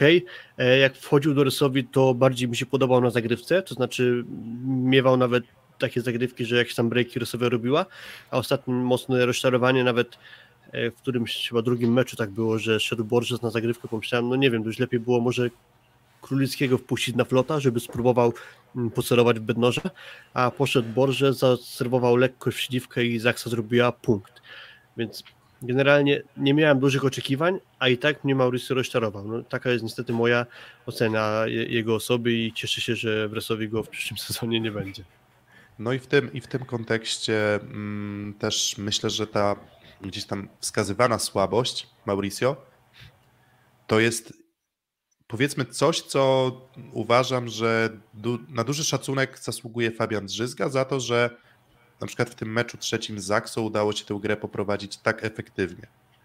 Pomimo tego, że właśnie no, trochę brakowało pewnie odejścia na środku, presja zagrywki ze strony Zaksy była, chociaż nie zagrywała akurat w tym meczu super, ale jakaś tam presja zagrywki była. No i takim graniem lewe, prawe, lewe, prawe Fabian naprawdę radził sobie, mm, radził sobie bardzo dobrze ze sporadycznym użyciem Mauricio Borgesa. Natomiast podrzucając wątek w drugą stronę, mówimy, że Zaksa, e, znaczy, przepraszam, mówimy, że Resowia trochę osłabiona brakiem Czebula, mówimy, że dużo mocniej osłabiona, osłabione zawiercie brakiem mm, Urosza. E, dwa mecze w fazie zasadniczej w mniej więcej podstawowych składach dla Aluronu CMC warte zawiercie. Rok wcześniej ćwierćfinały mówimy, Taresowia wydaje się być super, sajdaucik, chodzi, muza i świetnie, wszystko wygląda, zawiercie nie ma w zasadzie obrony. Ćwierćfinał dla nich, znowu. Więc i to podobne jeszcze składy, podobne wszystko i dlatego szukam jakiegoś mismatchu może? Wiesz co, ale pamiętasz, że była trochę krytyka dla Maćka Muzeja po ćwierćfinałach zawierciem, gdzie świetnie grał w rundzie zasadniczej, w rewanżowej i Oskar Kaczmarczyk napisał, że wykonali kolosalną pracę, żeby go wyłączyć. I to się na pewno im udało w tej rywalizacji finałowej. Tegoroczny mecz, y, wiesz co, ten pierwszy, ten rewanżowy to był tuż przed Pucharze Polski. I tam zawiercie się podniosło, wrócił Miguel, było 3-0, a Resowia kontynuowała jakby fatalną grę z, z, z turnieju w Krakowie. I, i, I, tutaj bym, nie wiem, czy bym to akurat aż tak wiązał, natomiast jakiś tam mismatch jest. Yy, ale też biorę korektę na to, że wtedy w tych playoffach był w świetnej formie Facundo Conte i on w dużej mierze u, u, utrudniał bardzo mocno na bloku grę Muzajowi. Teraz z blokiem yy, kogoś innego niż Urosz będzie trochę łatwiej Maćkowi. Yy, natomiast ja tu myślę, że będzie 5 spotkań. Ja myślę, że to będzie trochę podobna sytuacja, jak rok temu było zawiercie ze Skrą, że ta walka może się nawet dłużej trwać niż finał. No i też rok temu Zawiercie dało radę ostatni mecz wygrać bez Urosza w składzie, bo pamiętam, tak, byłem Orczyk, w Zawierciu tak, na tym meczu. Orczyk. Byłem na tym meczu w Zawierciu ostatnim i pamiętam, że tam Urosz siedział niedaleko za bandami, więc to mi zapadło w pamięć, że tam Urosza nie było w tym meczu, a, a był Conte z Orczykiem na boisku. E, to, co mm, mi się rzuciło w oczy, to okej, okay, wyszło to Zawiercie pokiereszowane trochę na Jastrzębie, czyli e, Kwolek chyba w niedobrej dyspozycji fizycznej, bez urosza, ale na plus uważam praca zespołu w obronie. Czyli jakby to, co gdzieś tam utrzymywało jeszcze na powierzchni zawiercie, to była właśnie gra w obronie, trochę więcej problemu na pewno z atakiem. Myślę, że w ogóle gra w obronie jest takim znakiem szczególnym winiarskiego i chyba samej obronie zawiercie wygląda, no nie da się przyczepić tak yy, do, do, do, do niego, do nikogo, nawet do niego, który może nie przyjmował tych bomb Błaje. I pewnie spodziewaliśmy się może jeszcze lepszej gry od niego, ale mówię, jeżeli chodzi o obronę, to zawiercie dowodzi obrony. Zobaczymy, jak będzie wyglądał Dawid Konarski, bo on miał sporo słabych momentów, wchodził za niego Dulski, no ale z kolei jak wchodzi Dulski, to można mieć do niego sporo zastrzeżeń, jeśli chodzi właśnie o granie w obronie. Może nie do końca jeszcze jest w stanie dobrze odnajdywać się w systemie gry blogobrona zawiercia i to może być jakiś tam mankament, jeśli wejdzie Dulski na boisko. Bo w ataku no, bardzo w porządku. No właśnie, no Dulski dał bardzo dobry impuls w jednym, w jednym z tych spotkań właśnie rozgrywanych przeciwko Jastrzębskiemu Mm, Jastrzębskiemu Węglowi mm, u siebie zdaje się, tak, bo tam 18, 18 punktów, w tym przegranym 1 do 3 meczu pierwszym. E, pierwszym, tak, po pierwsze było 1 do 3 przegrane, potem w tiebreaku Jastrzębski Węgiel i na koniec e, na koniec 3 do 0 już. No ale tak spoglądam sobie, tak stricte oceniając no, po statystykach, no to tak, Waliński, Mecz przegrany 1 do 3. 2 na 12, 0 efektywności. Kwolek 7 na 22, 0 efektywności. Wchodzi Patryk Łaba, dobry impuls, 7 na 11, wyglądało to dobrze, no ale to też jest czasem pytanie, na ile odpuszczamy kogoś, nie odpuszczamy kogoś. Um, więc tym, na tym etapie sezonu Wydaje mi się, że rozwiązań ofensywnych Resowia ma jednak zdecydowanie, zdecydowanie więcej, nawet pomijając tego Mauricio Borgesa. Um, I no i chyba musi być traktowana jako faworyt. Chyba. Czy wiecie, I... jakie jest moje nastawienie? Aha, okej, okay, jeśli nie skończyłeś, mhm. przepraszam. Nie, nie, nie. I, I, chciałem powiedzieć, że szukam, znowu szukam w głowie argumentów. Jakby tak, jeżeli jest uroż, to powiem piąty mecz. Może się tam zepnie, może uda się przekonać, może obłaskawi go prezes albo drużyna, albo trener, ostatni zryw, słuchaj, spróbuj uroż. Próbuj. To może piąty mecz, ale w przeciwnym wypadku raczej Rysowia, bo po prostu rozumiem obronę, rozumiem wszystko, ale Jastrzębie pokazało, że nawet dobrze broniące zawiercie na końcu, jeżeli nie, nie, ma, nie ma swojego side-outu, a nie miało tego side-outu z Jastrzębiem, to nie, powalczy, nie pogra, z taką drużyną jak Resowia, moim zdaniem. Czy to jest jeszcze taki aspekt, że nawet jeśli Uroż zagra, to on przez to, że ostatnio siedział za bandami, to znaczy tak, że jeśli nie gra w meczach, to raczej i tym bardziej nie trenuje. W sensie oszczędzaliby go na to, żeby dał radę grać w meczu, więc na treningach raczej za wiele nie robił. To na pewno też nie ułatwi przygotowania do tego meczu trójmeczu co najmniej zawierciu, więc nawet jeśli on będzie na boisku, to niekoniecznie musi całe zawiercie jakoś super funkcjonować, więc jakiegoś jakiejś kolosalnej odmiany mm, nagłej zawiercia się nie spodziewam, ale indywidualnie Uroż na pewno tu może coś dodać, zwłaszcza, że jak popatrzymy tak historycznie, to te dwa spotkania tego sezonowe z zawierciem, wygrane przez zawiercie, to też w dużej mierze rola Urosza, który w obu tych meczach dostawał najwięcej piłek. I to tak w jednym meczu zdecydowanie najwięcej, gdzieś tam około 40 chyba. Nawet pamiętam w zeszłym... Tak, Kuba? Wiesz co, tak, je, jeszcze z drugiej strony Zawiercie wchodziło w półfinały po meczu z Olsztynem. Oczywiście, na własne, znaczy zagrali 5 spotkań, no bo przegrali w Wiławie. Easy. Ale grali po trzech dniach. Teraz jednak tydzień przerwy. Nie cały, tak? No bo mecz we wtorek, ale, ale to jest coś, co może, nie wiem, Kwolek trochę znowu złapie powietrza, a jednak no, on był bardzo ważny na, na Olsztyn, tak? Także w jakimś stopniu tutaj bym widział jakąś szansę, że będą świeżsi ale na dystansie Resowia ma więcej jakości, myślę, że side out absolutnie. I Fabian dobrze wygląda. I, i, i myślę, że chcą, chcą tę brązową Ligę Mistrzów na podpromiu znowu. Po prostu. No Fajne, i, że taka stawka No i wiecie, i, i, mówimy, mówimy o Zaksie, potężna, nie do zajechania, a mimo tego Resowia dała odpust ogromny, no, w sensie jak, jak na możliwości Resowi, no to te 2-3, 2-3, 1-3, no to to to jak projekt, tak? Tam projekt wyszarpał jeden mecz, Rysowi, Rysowia miała tam trzy punkty przewagi w tiebreaku e, tego meczu, meczu trzeciego. Nie udało się, no ale patrząc po samym przebiegu spotkań, była, byli w stanie nawiązać rywalizację. Jedyną wątpliwość, jaką mam, to jest to, że no jednak to uzależnienie od Muzaja i TJ'a DeFalco bez Czebula to już w ogóle będzie ogromne. No i o ile faktycznie wspominaliśmy już TJ'a w tym naszym odcinku dzisiejszym, że dowiózł, bardziej niż nie dowiózł, ale cały czas jest tak, że no jednak skacze Tawaresz i jednak skacze Konarski. To nie jest blok łatwy. Do tego wydaje mi się, że łatwiej jest zatrzymać blokiem TJ'a DeFalco takim środkowym jak Szalacha lub Zniszczą, czyli nie nieprawdopodobna jakaś tam nie wiadomo jaka wysokość, parametry fizyczne, tylko raczej szybkość przemieszczania się na nogach, kierunek. DeFalco uderza, no, on potrafi, pipy wyglądają bardzo imponująco, ale on to raczej kocha piłeczki szybkie, więc wydaje mi się, że tutaj środkowi zawiercia będą mogli mieć ciutkę łatwiej niż, szczególnie, że ta dystrybucja będzie też uproszczona. Jastrzębie miało ją bardziej złożoną, to Newty może nie był precyzyjny, ale wybory myślę, że dobre na dystansie półfinału. W przypadku Resowi będzie to uproszczona gra, więc może tu jest jak, jakaś nadzieja dla zawiercia. Tyle, że na końcu ja i tak wracam do tego, kto będzie zdobywał punkty w zawierciu. I to jest pytanie, tak? I więc do, do, jeżeli nie będzie jednego lidera i może być nim Konarski, który tylko, że znowu będzie pracował na przykład na TJ-u DeFalco czasem, no na Mauricio no to może łatwiej, tak? No ale albo Konar się odpali, albo Kwolo się odpali.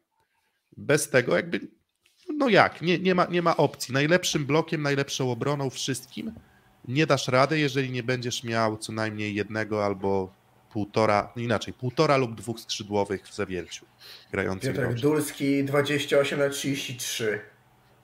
No, takiego, bo, wiesz, czemu, takiego. bo czemu nie? No bo, bo, no bo, bo w jednym meczu go stać, tak? I to jakby w jednym meczu impuls dasz, ale, ale myślę, że na dystansie będzie to cholernie ciężkie. I ja nie deprecjonuję tutaj, wiecie, bo to tak brzmi, że tam to nie jest jakieś tam, nie wiem, zdęcanie się albo szukanie na siłę, a szukanie na siłę e, problemów w zawierciu. To jest po prostu chyba stwierdzenie rzeczywistej formy zespołu na tym etapie, przy tym zmęczeniu, przy tej sytuacji kadrowej. A Z wydają się liderem. tak, nie wydają się być, nie wydają się być po prostu mm, po prostu faworytem. Danani mówi się, że odchodzi, Urosz mówi się, że odchodzi, środkowy jeden już w przyszłym sezonie w siódemce grać nie będzie. Kilka zmian w zespole to nigdy nie jest łatwe. Resowia według doniesień względem podstawowej siódemki zmiana będzie je, dwie, tak, dwie, więc atakujący i, i tyle. Natomiast wiecie, to te mecze o brąz są też bardzo charakterystyczne, bo mm, obie drużyny zazwyczaj są trafione i według was komu bardziej zależy na tym brązie? No bo wydaje mi się jednak, że Resowia jest nagrzana na ten brąz. Na czacie zresztą też widziałem takie komentarze, że to Resowi może bardziej zależeć. No, zawiercie Ja rok temu zdobyło. Teraz chyba, chyba ARS-owie czuje, czuje, czuje krew, żeby w końcu na ten podium wrócić po pięciu latach. Mm, Nawet chyba więcej. W, w 2016 roku chyba ostatni raz Resowa była w czwórce w ogóle. I chyba zajęła czwarte miejsce nawet wtedy, więc chyba jeszcze dłużej. M- Mieszało to, Mo- mogę się, mogłem się pomylić, nie chcę tutaj zgadywać, ile czasu minęło od medalu Resowi, ale wydaje mi się, że 7 lat, a nie 6 nawet, a 7. E, natomiast no, wydaje mi się, że obie drużyny będą tak samo nagrzane, jak to powiedziałeś chyba Piotrek.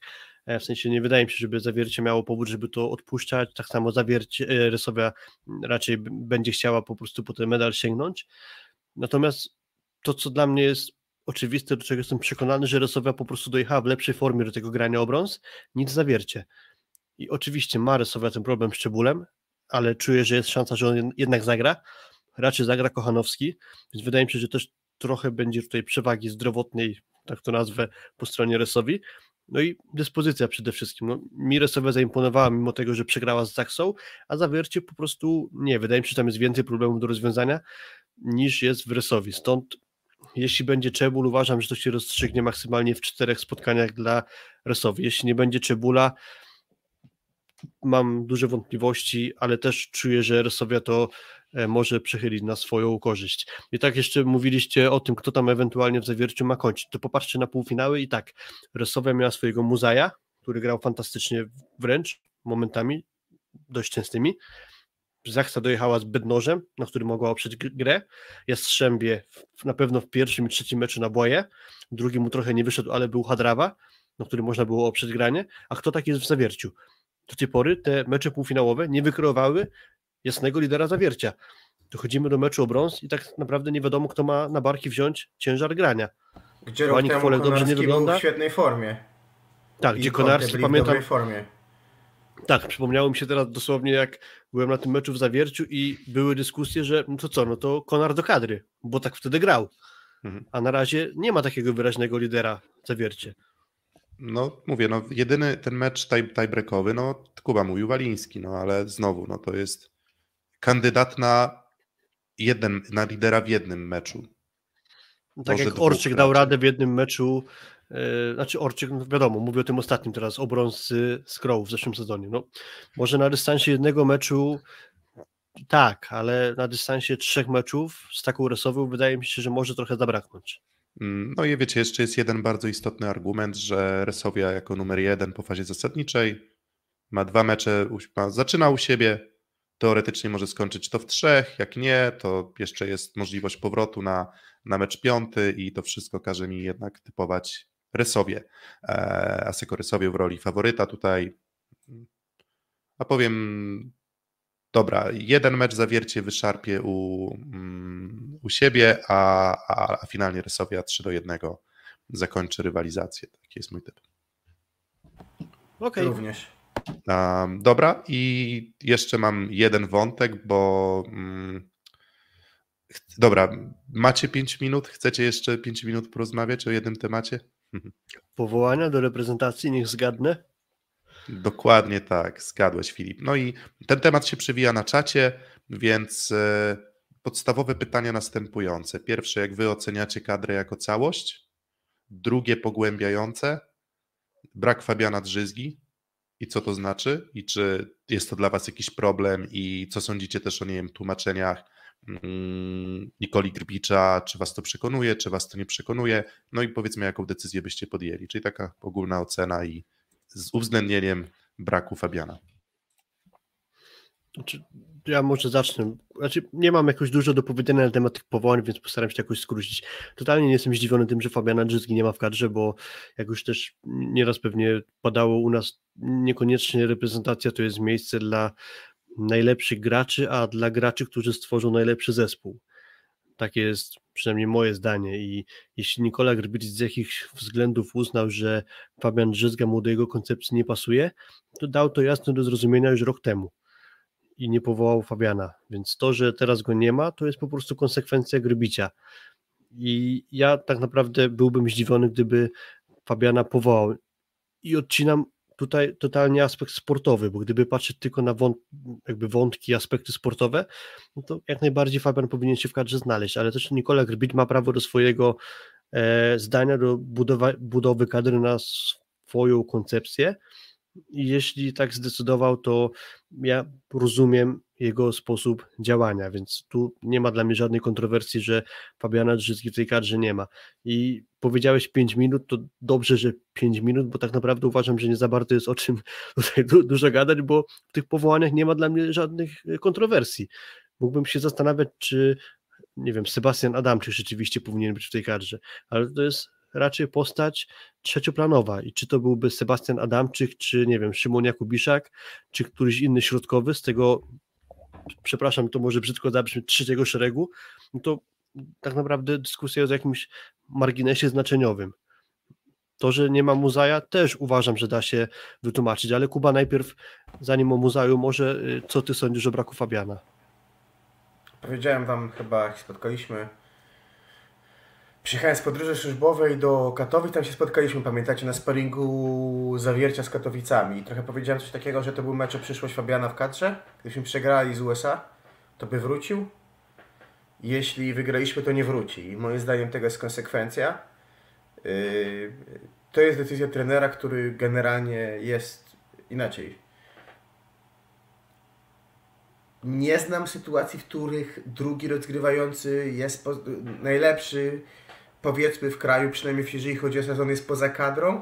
Jak mam sobie przypominać, to może postawienie wyraźne na Deczeko kosztem Uriarte w Argentynie, że Uriarte jakby został de facto nie grał w kadrze, będąc pewnie drugim najlepszym rozgrywającym Argentyny, a tak to ciężko takie sytuacje mi znaleźć, może to z Brazylią. William, wiesz co, Kuba, przypomniał mi się William Ariona, który bardzo często był no właśnie, pomijany przez Rezenta chociażby.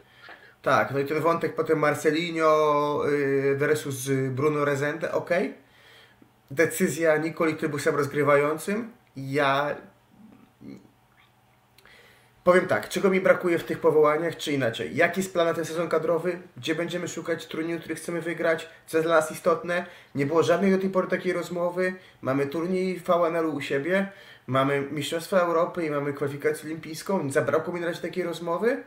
I drugi wątek, który jest dla mnie też ciekawy, to jest to, że wczoraj Twitterze Andrzej Wala napisał, że Kukowalczy po takiej sezonie powinien być w kadrze. I znowu wracamy do tego, my o dyskutowaliśmy, ja miałem taki dośredni tydzień i e, trochę kwestionowałem niejako powoływanie młodych tylko dlatego, że są młodzi, a nie dawanie szans komuś, kto jest starszy tylko dlatego, że zagrał świetny sezon. I to jest trochę pytanie tego, że w siatkówce nie masz poważnej kadry młodzieżowej, ten sezon kadrowy jest dziwny, bo jest latem, nie jest... Bo gdyby to było, umówmy się, gdyby to było tak jak w piłce, to myślę, żeby do, ktoś, kto jest w świetnej formie ligowej miałby szansę zagrać, nie wiem, VNL w jakiś weekend, tak? I tak dalej. Takie tak, wybory inne determinują plan pracy pewnie też związku, po prostu.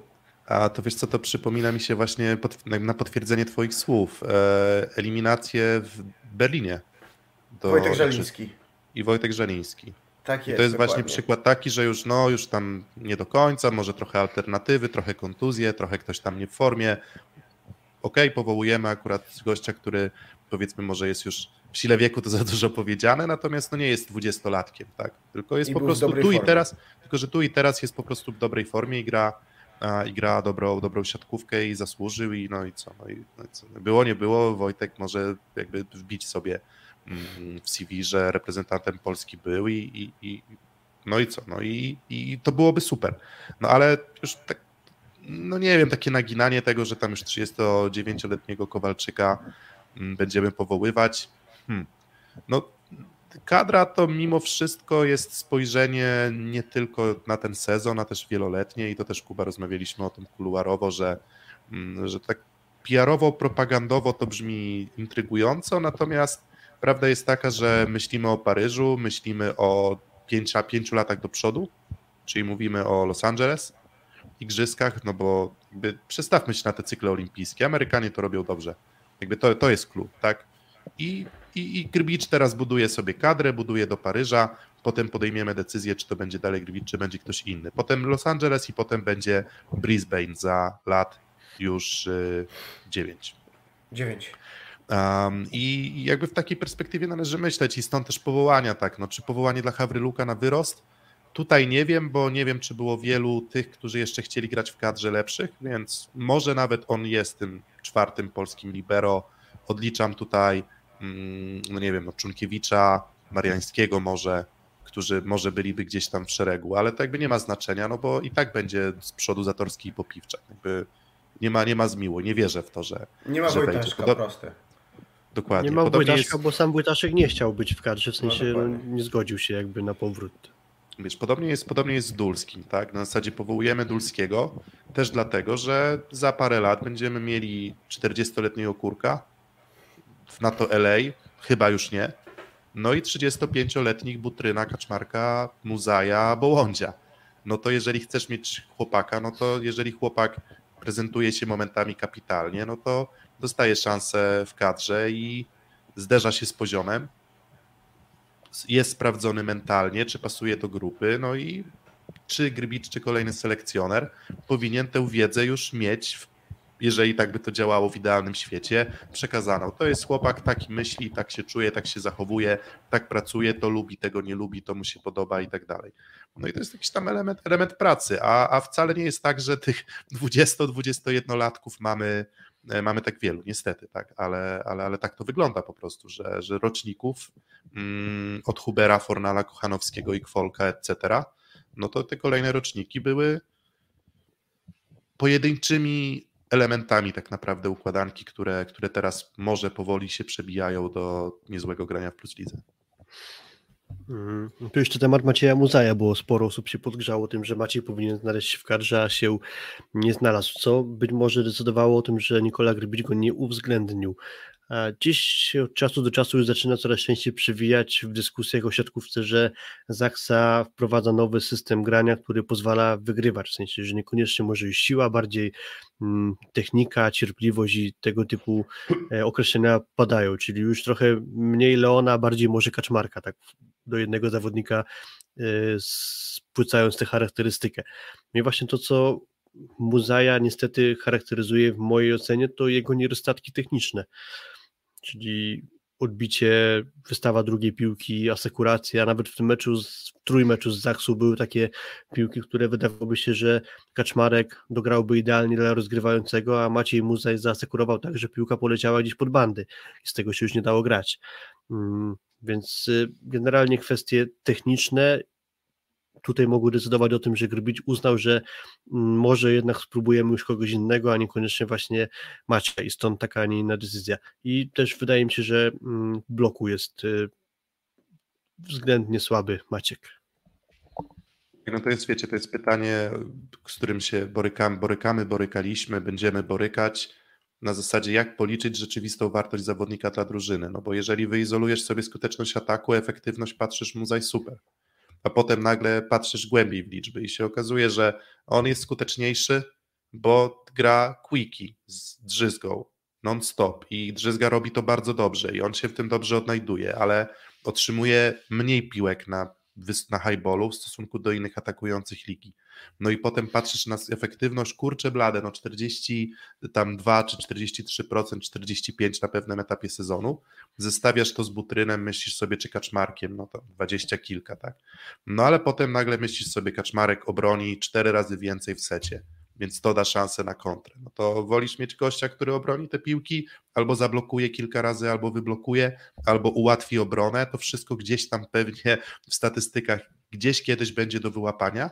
Natomiast właśnie to holistyczne spojrzenie na, na siatkarza, no to Muzaj, spodobało mi się tam określenie na Twitterze mm, tego Mateusza Babiarza od NBA, że on jest tam one trick pony, czyli kucyk, który ma jeden swój trik i trochę tak jest, że jest jednowymiarowym zawodnikiem, tak? Więc Grbicz szuka, no i pewnie nie bez powodu Kaczmarek i już te zapowiedzi wywiadów mówią, że ta rywalizacja raczej będzie ustawiona, w cudzysłowie, w taki sposób, że jest Kurek i o innej charakterystyce Kaczmarek.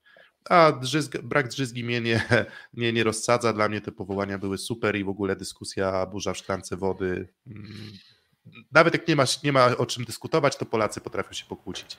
Każdy z każdym odpukając y, kontuzję pierwszego rozgrywającego, no to to wtedy będzie jakieś wyzwanie.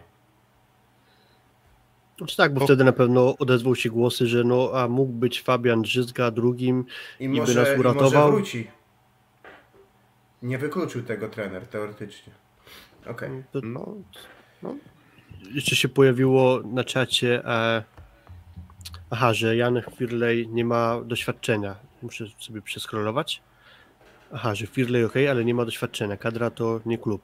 No, no, zgoda, nie ma doświadczenia, no ale to tak jak oczekiwania pięciu lat doświadczenia w, przy rozmowie kwalifikacyjnej o pracy. No kiedyś to doświadczenie pierwsze trzeba zdobyć, więc im szybciej otrzaska się Janek Firley z kadrą, tym lepiej. Wystarczy, wiecie, wystarczyło nam stracenie być może kilku lat na niedoświadczonego Marcina Janusza o którym mówiliśmy non-stop, że jest niedoświadczony i niedoświadczony i tak upływał rok, jeden, drugi, trzeci, piąty i nagle z 19, 19-latka, 20-latka w sumie e, dojechaliśmy do 26, 7, 8 latka, który wchodzi w swój prime i super, że teraz jest tu, gdzie jest, ale kto wie, czy nie byłby chwilę wcześniej, czy nie mógłby być rywalizacją, czy, czy nie dałoby radę więcej, tak? czy jeszcze kilku lat kariery by reprezentacyjnej z tego mm, nie wycisnął. A, dobra, kończymy tutaj. Dzięki za dzisiaj. Tak już jest 22.23. Ładna pogoda, słoneczko, przynajmniej w okolicach Mazowieckiego, a więc korzystajcie z pogody. Mm, no i co? 3 maja mm, pierwszy mecz finałowy, a 2 maja dzień wcześniej we wtorek. Też o 20.30, jeśli się nie mylę, tak, o 20.30 na Podpromiu Resowia zaczyna z zawierciem, dzień później 20.30 w Jastrzębiu Zdroju Jastrzębski Węgiel podejmie Zaksę. No i niezależnie od naszych rozważań, wszystkiego, mm, obyśmy zobaczyli widowiska sportowe i oby były idealnym zwieńczeniem trudnego, niełatwego wcale sezonu plus ligi. I tego Wam życzę. Dzięki za dzisiaj. Dzięki. Pamiętajcie też o naszym patronajcie. Jeśli macie jakieś wątpliwości, możecie się do nas odezwać, to na pewno pomożemy. Trzymajcie się. Cześć. A i łapki, łapki, łapki, suby, łapki, dajcie łapkę w górę, bo jest was 186 osób, więc co najmniej 100 łapek e, poprosimy. Dzięki. Trzymajcie się.